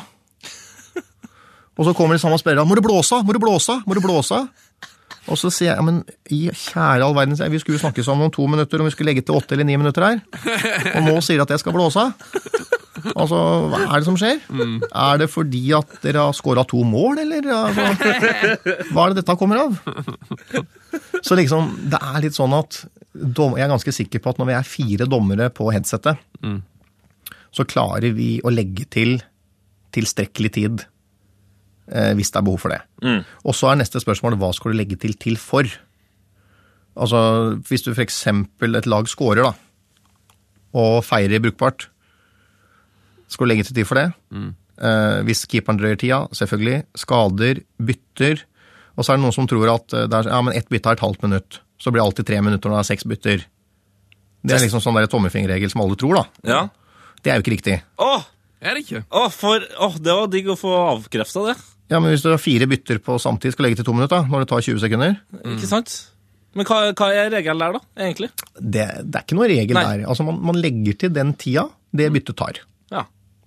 Så, men altså Så dobbeltbytte er mindre tillegg enn to enkle bytte. Absolutt. Det er derfor de- Forutsatt at det går fort, da. ja det er Altså. Du veit jo aldri.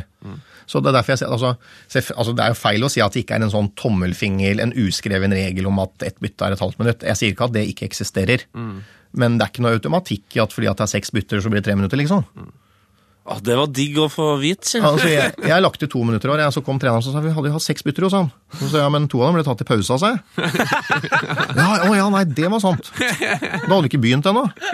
Så liksom, det er litt sånn at uh, seks, seks bytter er tre minutter. Og så glemmer en når de har tatt, og om de har tatt samtidig, og litt av hvert, da. Det er en annen liten ting jeg lurer på.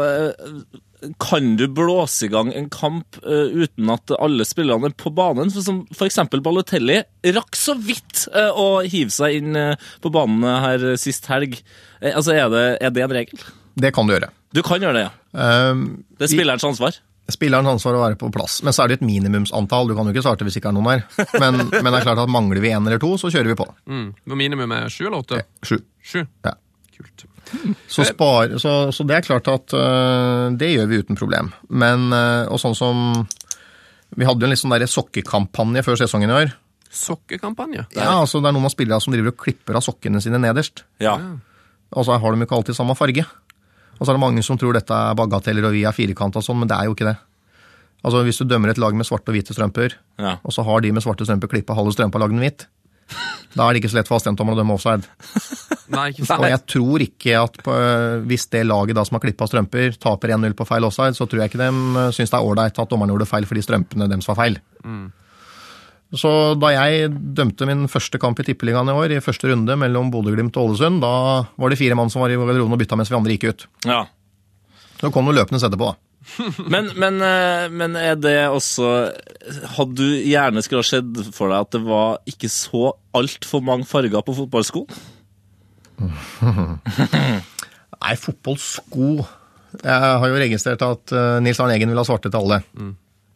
Ja, Der er jeg litt enig. Ja, ja, nei, altså, men jeg tenker litt sånn at nå skal jo dommere kles opp i Nike neste år. Å! Alle dommerne i norsk toppfotball kommer til å bruke Nike-utstyr neste år. Ja, det, det blir lekkert. Det blir lekkert. Så det blir eh, gul, grå, svart og grønn drakt. Steike. Samme draktene som brukes i Premier League.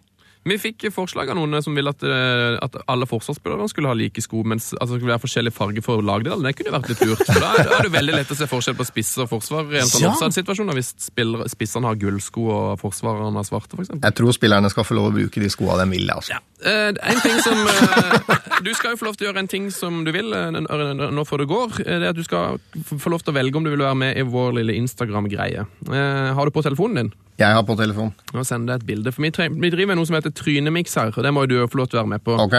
Eh, hva er det vi, hvem er det vi har trynemiksa, Tete? Forrige hadde vi jo Einar Tørnquist, som ble eh, Han fikk jo tre stykker fordi han er så glad i sånne mikser. Han ble Neymar Tørnquist, eh, Einar Blomkvist Peppe Reinar Ja, Tørnquist. Ossi Svein Erik. Og nå har du blitt eh, Vi må jo prøve å gjøre et ordspill på navnet ditt, da. Så du har blitt en blanding av Bodøvein Senden og deg sjøl. Her får du Svein Erik Edvardsenden. Og åssen ser han fyren her ut, eh, Svein Erik? Han ser kjekk ut. Han gjør det. Han ser kjekk ut. Det er ditt fjes med en kraftig lysmanke. Du, Ja, det håret, ser det. det, Jeg må det, gå og farge håret nå. Ja, det der håret der eh, kledde deg veldig godt. Men hvem er det du så det var en blanding fra? Meg og Bodvine Senden, den gamle ja, Middlesbrough, Liverpool, Barcelona-vingen. Hvor gammel er han? Han er vel på din alder, tenker jeg. Kanskje litt eldre enn det. Ja, Spiller han fotball i dag, eller? Ah, jeg tror kanskje han la opp i fjor, eller kan være han fortsatt spiller. Ok. Du skjønner hvorfor jeg spør? Uh, nei. Jo, altså jeg kan jo ikke publisere et bilde av meg og en eller annen fotballspiller så jeg kan risikere å møte på en kamp. Nei, Det er lurt, ja, du. Ja, sant. Du, Da skal jeg sjekke det med en gang. Jeg tror han har, jeg håper han har lagt opp. Har han lagt opp, så er det greit. Hvis ikke, så kan vi ikke. Og han må ha lagt opp, hvis ikke så må vi vente Legg til han legger opp! Legg opp! Vi må få han til å legge opp eventuelt. Kom igjen, legg opp, da. Ja, det blir He's a retired Dutch footballer! Yes! Yes, Han la opp i 2011. Da spilte han for Sunderland. Ja, ok. Konge. Jeg tror jeg aldri har vært så glad for at en spiller har lagt opp. Men eh, jeg må få navnet en gang til. Det er positivt at jeg ikke har hørt om ham. i hvert fall. Det har ikke noen relasjoner. Ah, det er bra. Han heter Bodwin Zenden. Bodvine Zenden. Mm. ok. Ja, det er E B-O-U-D-E-V-I-J-N. Ja. okay. Typ klassisk nederlandsk eh, Jeg skjønner. Han la opp i 2011. Ja. Ja, nei, da blir det post, da. Yes! Knall! Eh, Svein Erik Edvardsen, det, vi har masse spørsmål som ikke rakk å få stilt deg, men eh, det får bare være, de får ligge til neste gang. Det får de gjøre, vet du. Det var helt konge at du kom innom og lærte oss litt om eh, dommeryrket. Det var kult å bli invitert, og tusen takk for invitasjonen. Så bra! Det her eh, skal gjøres igjen, det er jeg veldig sikker på. Ja, bra, Vi har mye å snakke om. Yes, eh, God helg, og ikke minst, som vi alltid avslutter med å si, heia fotball. Heia fotball. Heia fotball! P3s Heia fotball. Det var Svein Erik Edvardsen. For en fantastico gjest. Åh, det eh, Jeg skal ikke overdrive og si at det er beste gjesten vi har hatt, men eh, det er nok den gjesten jeg er mest glad for at vi har hatt. Én, jeg har lært masse. To, jeg liker fyren 10 000 ganger mer. og Jeg likte den egentlig ganske bra fra før av. Det var et stort steg for eh, dommeranerkjennelse i Norge, Ja. det her, syns jeg. Og nummer tre, eh, enda mer eh, info om dommeryrket, gjør at man får litt større respekt for det de gjør, altså. Svein Erik måtte dessverre i et møte, så han rekker ikke være med på de faste spaltene. Men det er jo ikke noe stress, for vi har en overraskelse til. Eh, Det er sånn at vår nettsjef Lars han er på vei inn i studio nå, og han har bedt om ordet. Fotball med Tete Lidbom og Sven Biskår Sunde.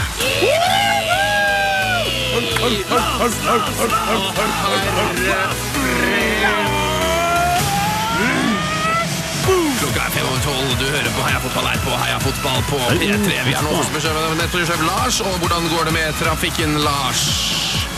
Kan du skru av? Ja, Det er ikke noe trafikk i Lars' verden, men her i Oslo så kan jeg fortelle at det snør. Det er én minusgrad og veldig grått. Veldig bra.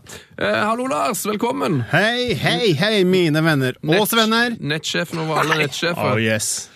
Gjersmen. Oh, yes. Du har med en overraskelse til oss, eller et problem du vil ta opp. Eh, ja, altså Jeg har spurt om å komme inn i studio her, for at jo, jeg har en liten overraskelse til dere. Ja. Ja, gjør det. Er dere spent? Vi, er, jeg, er vi er veldig spent. Ja. Um, Du skal ikke tatovere Sven nå? den, er, den er brukt, tenker jeg. Ja, å, det er bra. Du, ja, Husker dere sist jeg var i studio med podkast 25 med Skarfjord? Åh, like at du refererer ja, med ja, nummer. ja. Ja. Husker. Husker dere vi sang en viss spalte? Post og brevet, ja. Første brevet! Trestemt post og brevet. Post. Skulle liksom være trestemt. Ja. Jeg hørte på den når jeg hørte på den etterpå. Ja. Så Ja. tenkte jeg Det der Hæ? Det der var ikke fint! Hva, hæ? Var ikke det? Det var ikke trestemt, for å si det Jeg sånn. har den her, vi kan faktisk høre den hvis du vil. Ja, sett den på. Ok. Um, sånn her hørtes det ut, da. Jeg syns egentlig det var ganske fint. sånn som jeg husker. Vi, kan- vi får Ja, vi får se, da. Sjekk på runde to her nå. Post og brevet, post og brevet, post og brevet, post og brevet. Vi har fått post av deg. Det var litt Trestemt post og det, det var litt som å høre eh, altså, Det var litt som å høre en championship-spiller gi det aller siste han hadde i en 90-minutterskamp. Altså. Jeg syns det er fint. Ja, det er mer fint. innsats enn kvalitet, vil jeg si. Det er akkurat det jeg prøvde å si, ja. selv om jeg var litt krokete i måten jeg snakka på der. Men jeg syns det var fint! Syns dere det var fint?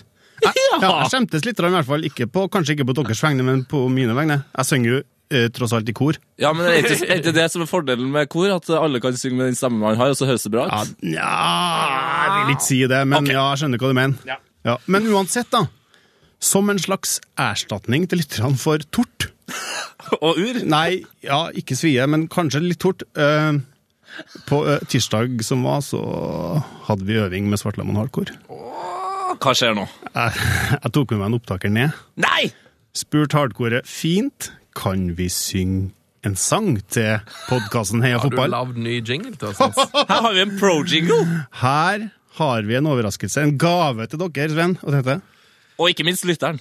Ok, En ny jingle for Post- og brevspalten. Er dere klar? jeg er veldig klar. Eh, Er det sunget av Svartlamoen Hakor? Oh yes. Okay, da går, vi, da går vi bare inn i post og brev, da. Fyr det. Fyr det inn.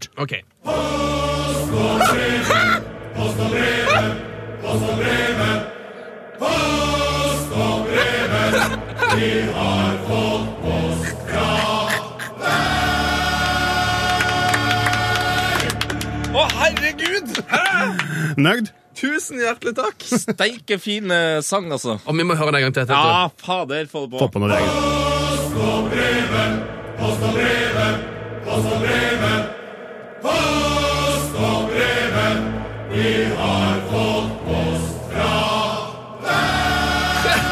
Altså Vi er i dag samlet her eh, til post og brevet. Litt andektig, eller? Ah, veldig det søndagsstemning her nå, altså. Ja, Den var kjempefin, og den her kan vi bruke så mye vi vil. Bruk den så mye dere vil. Så bra. Her, jeg tror kanskje vi må ha post og brevet to-tre ganger i sendingene fremover. Eh, skal vi ta noen post og brev, da?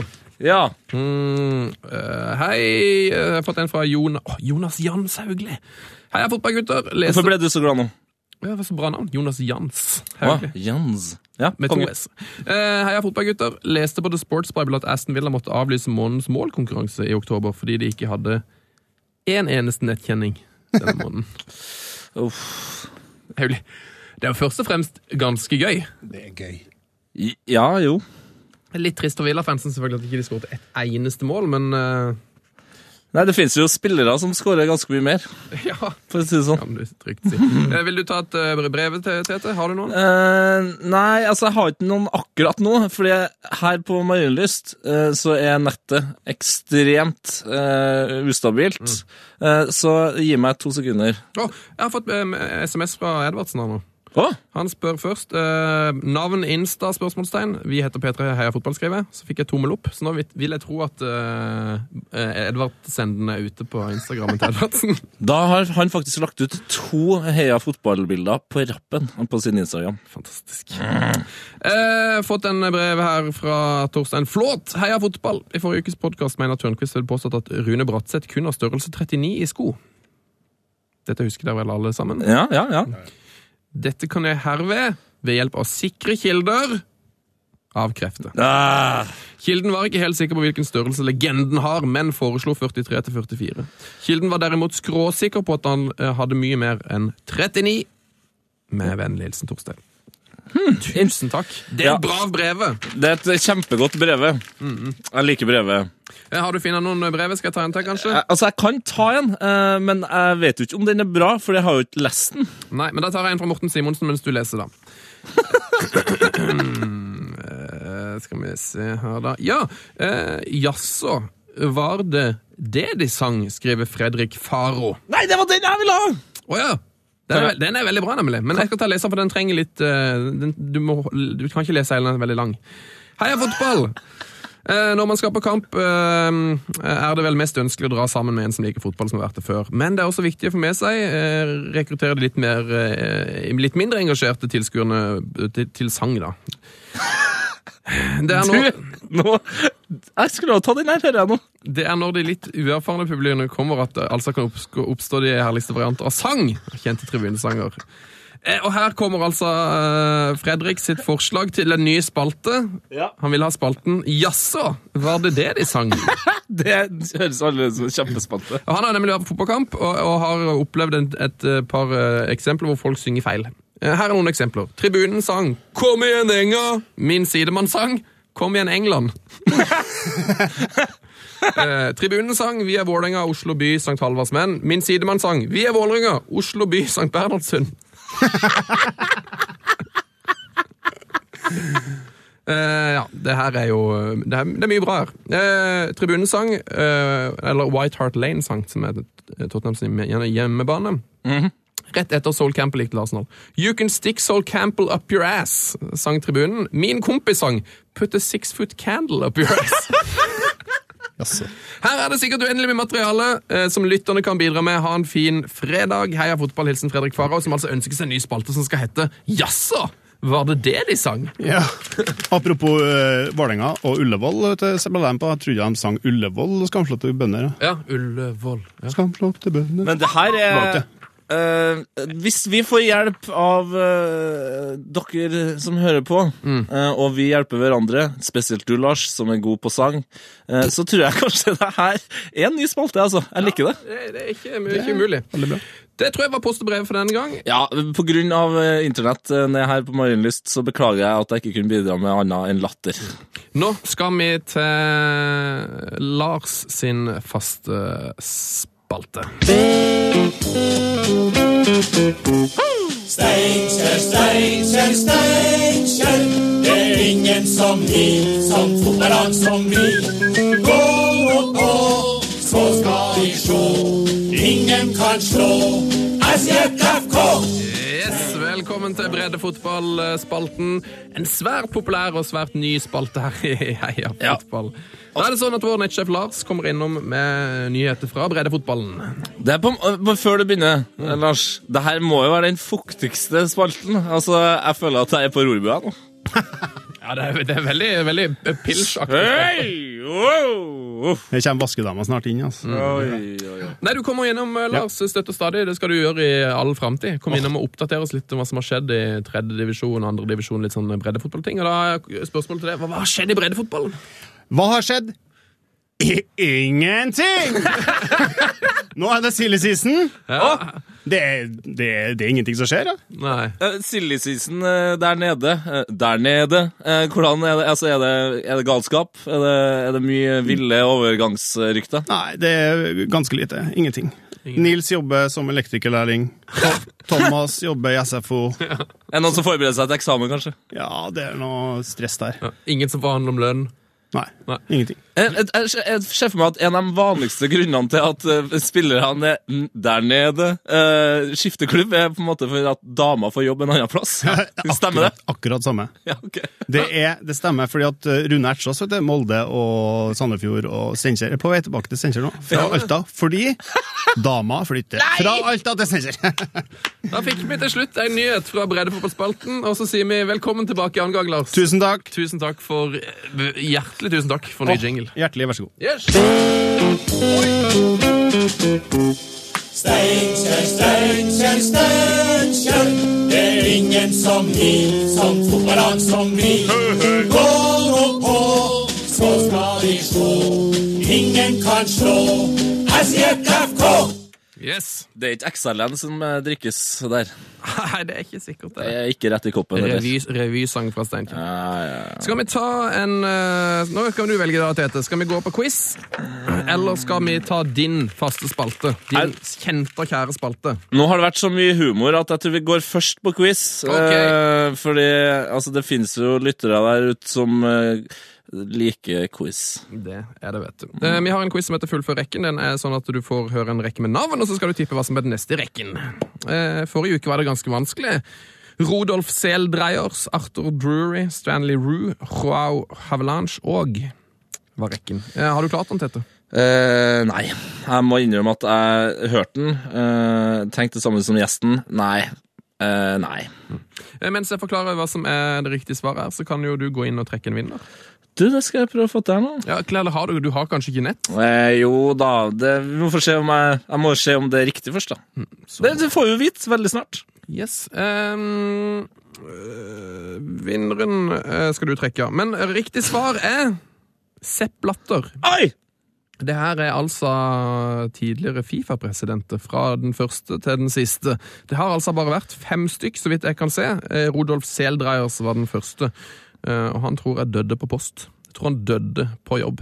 Han, han døde ikke på brevet. Nei! Han døde på post. Det er, for det er et sted i Norge som heter brevet, ikke Uh, Bredved, tror jeg det heter. Okay. Med en liten D. Uh, det jo, han jobber jo i en- NRK som heter det. Dag Bredvei. Bredvei heter han, ja. Mm. Nok om det. Jeg har jo funnet en vinner. ja. Du har det. Det er noen som har svart Sepp Blatter. Det er det, og det har eh, vår gode venn eh, og heia fotballfyr her nå, Kjetil Bråten, har hey! svart Sepp Blatter. Kjetil Bråten med B-R-Å-T-H-E-N. Så bra. Eh, det er jo en trist nyhet her, da. Uff da. Eh, for han har jo skrevet størrelsesmål. Ja. Eh, det er jo en trist nyhet her, i og med at uansett hvilken størrelse du skriver Så har vi Så er vi tom. Vi er tomme for Heia fotballdrakter.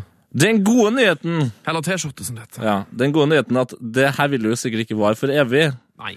Så skal vi prøve eh, det her, Nå tar jeg bare på sparket. Skal vi prøve å ertesende?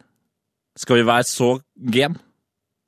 Ja, jeg tror vi skal gjøre det. Ja. Eh, du, vi, vi sier det. Vi satser på at vi får skjorta av sjefen i løpet av en måneds tid.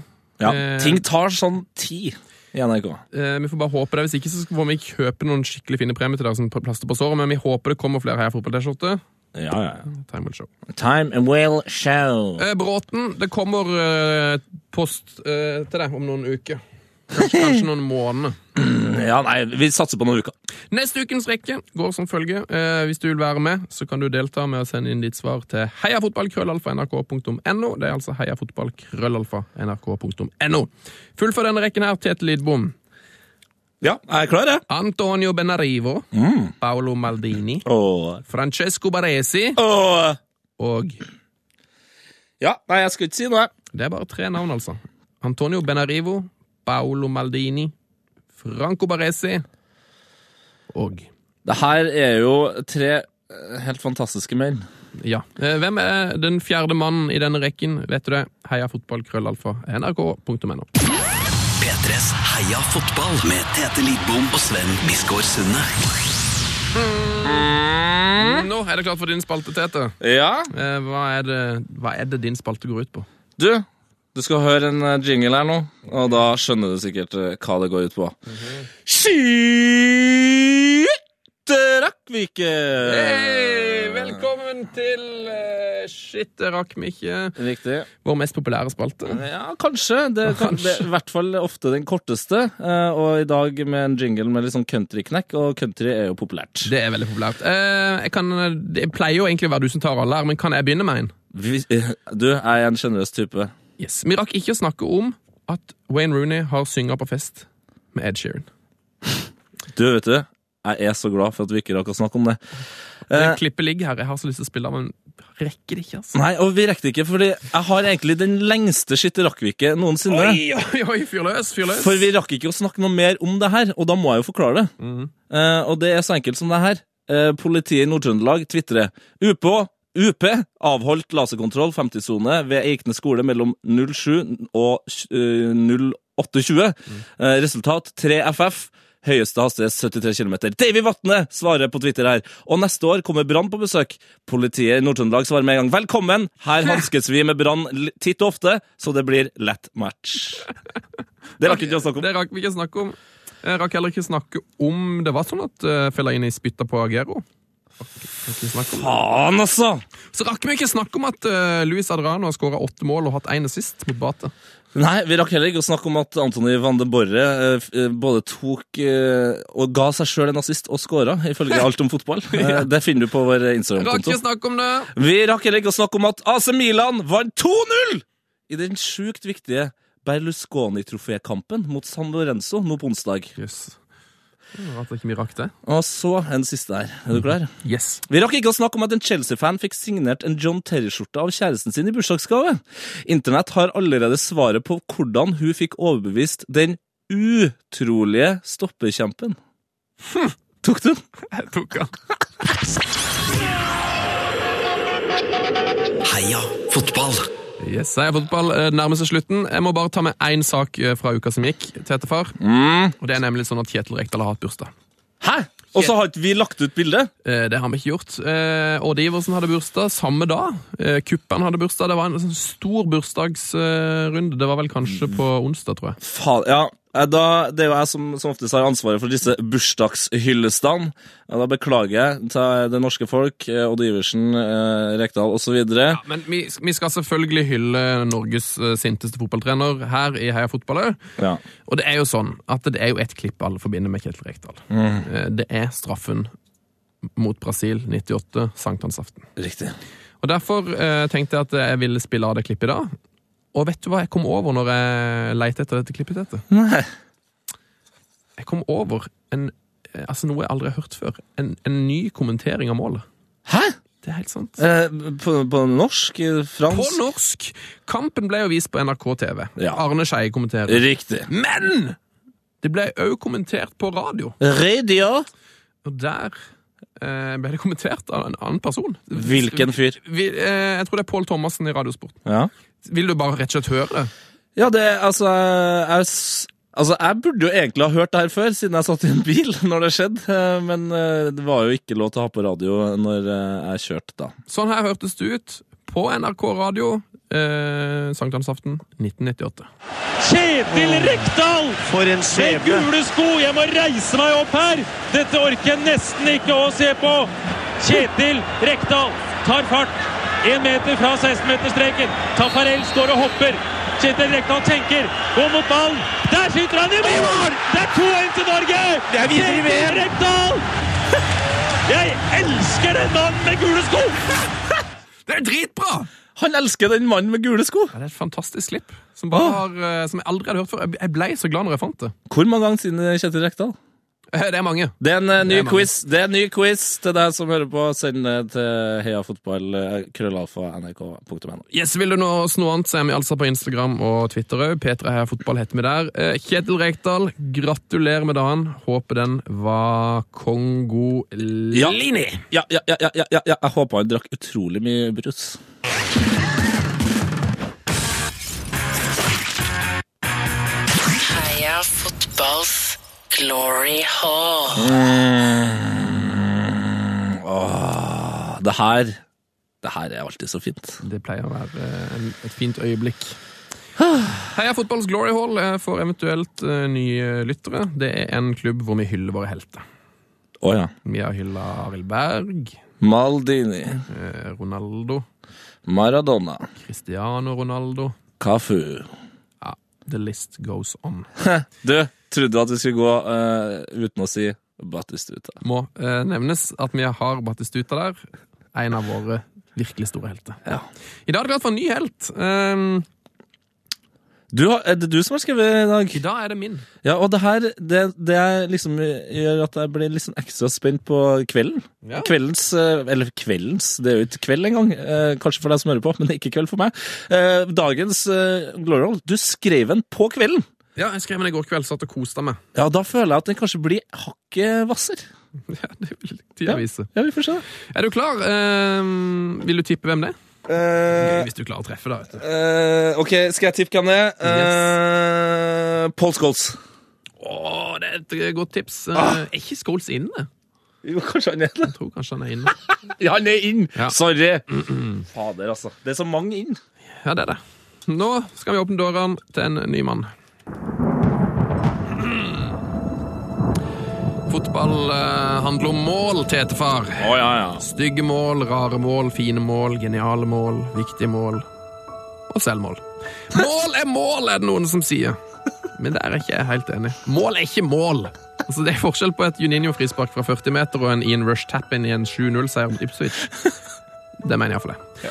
Det er forskjell på et uheldig selvmål når stillinga er 4-0, og et Beckham-frispark i krysset på overtid når England er i ferd med å ryke ut av kvalifiseringa til et stort mesterskap, Tete. Det er forskjell på stygge og fine mål. Noen spillere får pes fordi de ikke skårer så fine mål. Ruud van Nissenrøy for eksempel, fikk en del pes fordi han ikke skåra så mange fine mål i Manchester United. Han skåra som regel alene med keeper fra ni meter. Skåra på noen straffespark eller putta en ferdigskåra pasning i åpent mål. Stygge mål, rett og slett. Noen eh, spillere derimot er kjent for å skåre fine mål. Zlatan, Messi, Juninho, Beckham. Mange, mange The flere. list goes on. I min oppvekst så var det en mann som skilte seg ut på fine målfronten. Det var en mann som bare skårte fine mål. Uke inn og uke ut, til tross for at han spilte på et båndlag. Til tross for at han var eh, midtbanespiller, så skårte han fine mål. Har du skjønt om det? Nei, men det er så mange her nå. Til og med navnene sitt var fint, Tete. Åh! Matthew Ja! Letizier Ja! skåra bare fine mål. Og nesten samtlige av de 161 målene hans for Sør 15 ble skåra fra utenfor 16. Frispark i lengste, lure frispark rundt muren, dribla tre mann for en chippa keeper fra 18. Ja, Det målet der var forresten mot United i den syke 6-3-kampen. Alle målene hans var fine. Det var helt påfallende. Lov med at du sjekker ut eh, YouTube-videoen Matthew Letizier Magical Goals. Det er et utrolig funny mål der. Mm, Et mål mot Norwich, der han dribla av nesten hele laget, og så stormer han mot 16-meteren. Men plutselig så virket som har får dårlig tid. Han kaster seg nesten etter ballen og moser han beina til lengste hjørne fra 16,5 meter. Det var akkurat som han var redd for at han ville bli nødt til å skåre innenfor 16. Og Derfor skyndte han seg å knuse ballen i mål. Kjære Matthew Letizier fra Guernsey. Takk for at du alltid spilte for Southampton. Takk for at du var opptatt av å skåre vakre mål. Og takk for at du likte å banke han i krysset. Heia fotball, Tete! Å, heia fotball!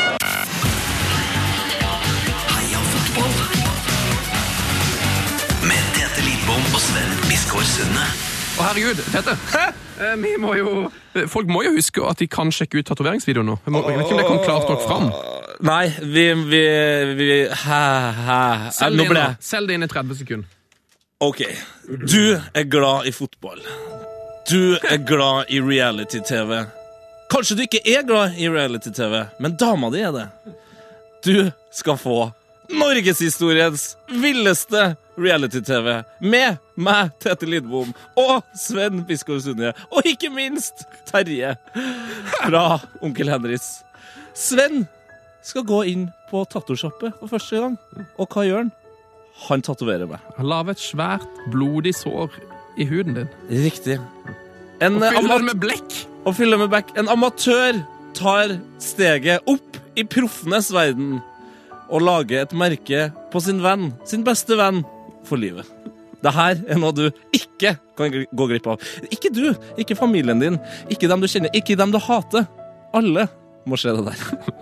Det ligger nå, eh, forhåpentligvis, da, eh, på P3NO sin nettside. Du finner det på vår Facebook. Der heter vi P3 Heia Fotball. I løpet av kvelden. Og det, er, det kommer ikke til å være så langt, eh, så du rekker å se det imellom eh, de store slagerne i gullrekka. Du kan se det på bussen. Ja, det kan Du du kan se det på også! dass. Ja! Eh, legg, legg gjerne ut det på Twitter. Så nettopp denne funny videoen på dass. ja, Anbefales. Den som ser den på den rareste plassen og tvitrer det, eh, får noe. Eh, Vi, sier, eh, vi lar det være siste ord, og så syns jeg vi skal oppfordre folk til å bare nei, Jeg må bare avslutte med et lite klipp. Der, må nemlig, der, er nødt, nå er du på, altså! der er nødt til å høre Vi har holdt på så lenge! der er nødt til å høre Wayne Rooney synge på nachspiel. Fader. I'm out of sight, I'm out of mind. I do it all for you in time. And out of all these things I've done, I've done it better now. Ikke så verst, vet du. Er det lyse stemmen Wayne Rooney? Ja, Herre Han synger ganske fint. julekveld. Ja, ja, det er bare å leie inn han eh, når han slutter å spille fotball. Kan han uh, underholde på julebordet ditt. Riktig. Heia fotballfar! Heia fotball! P3s Heia fotball. Ny episode hver fredag. Last ned din nye favorittpodkast på p3.no podkast. P3.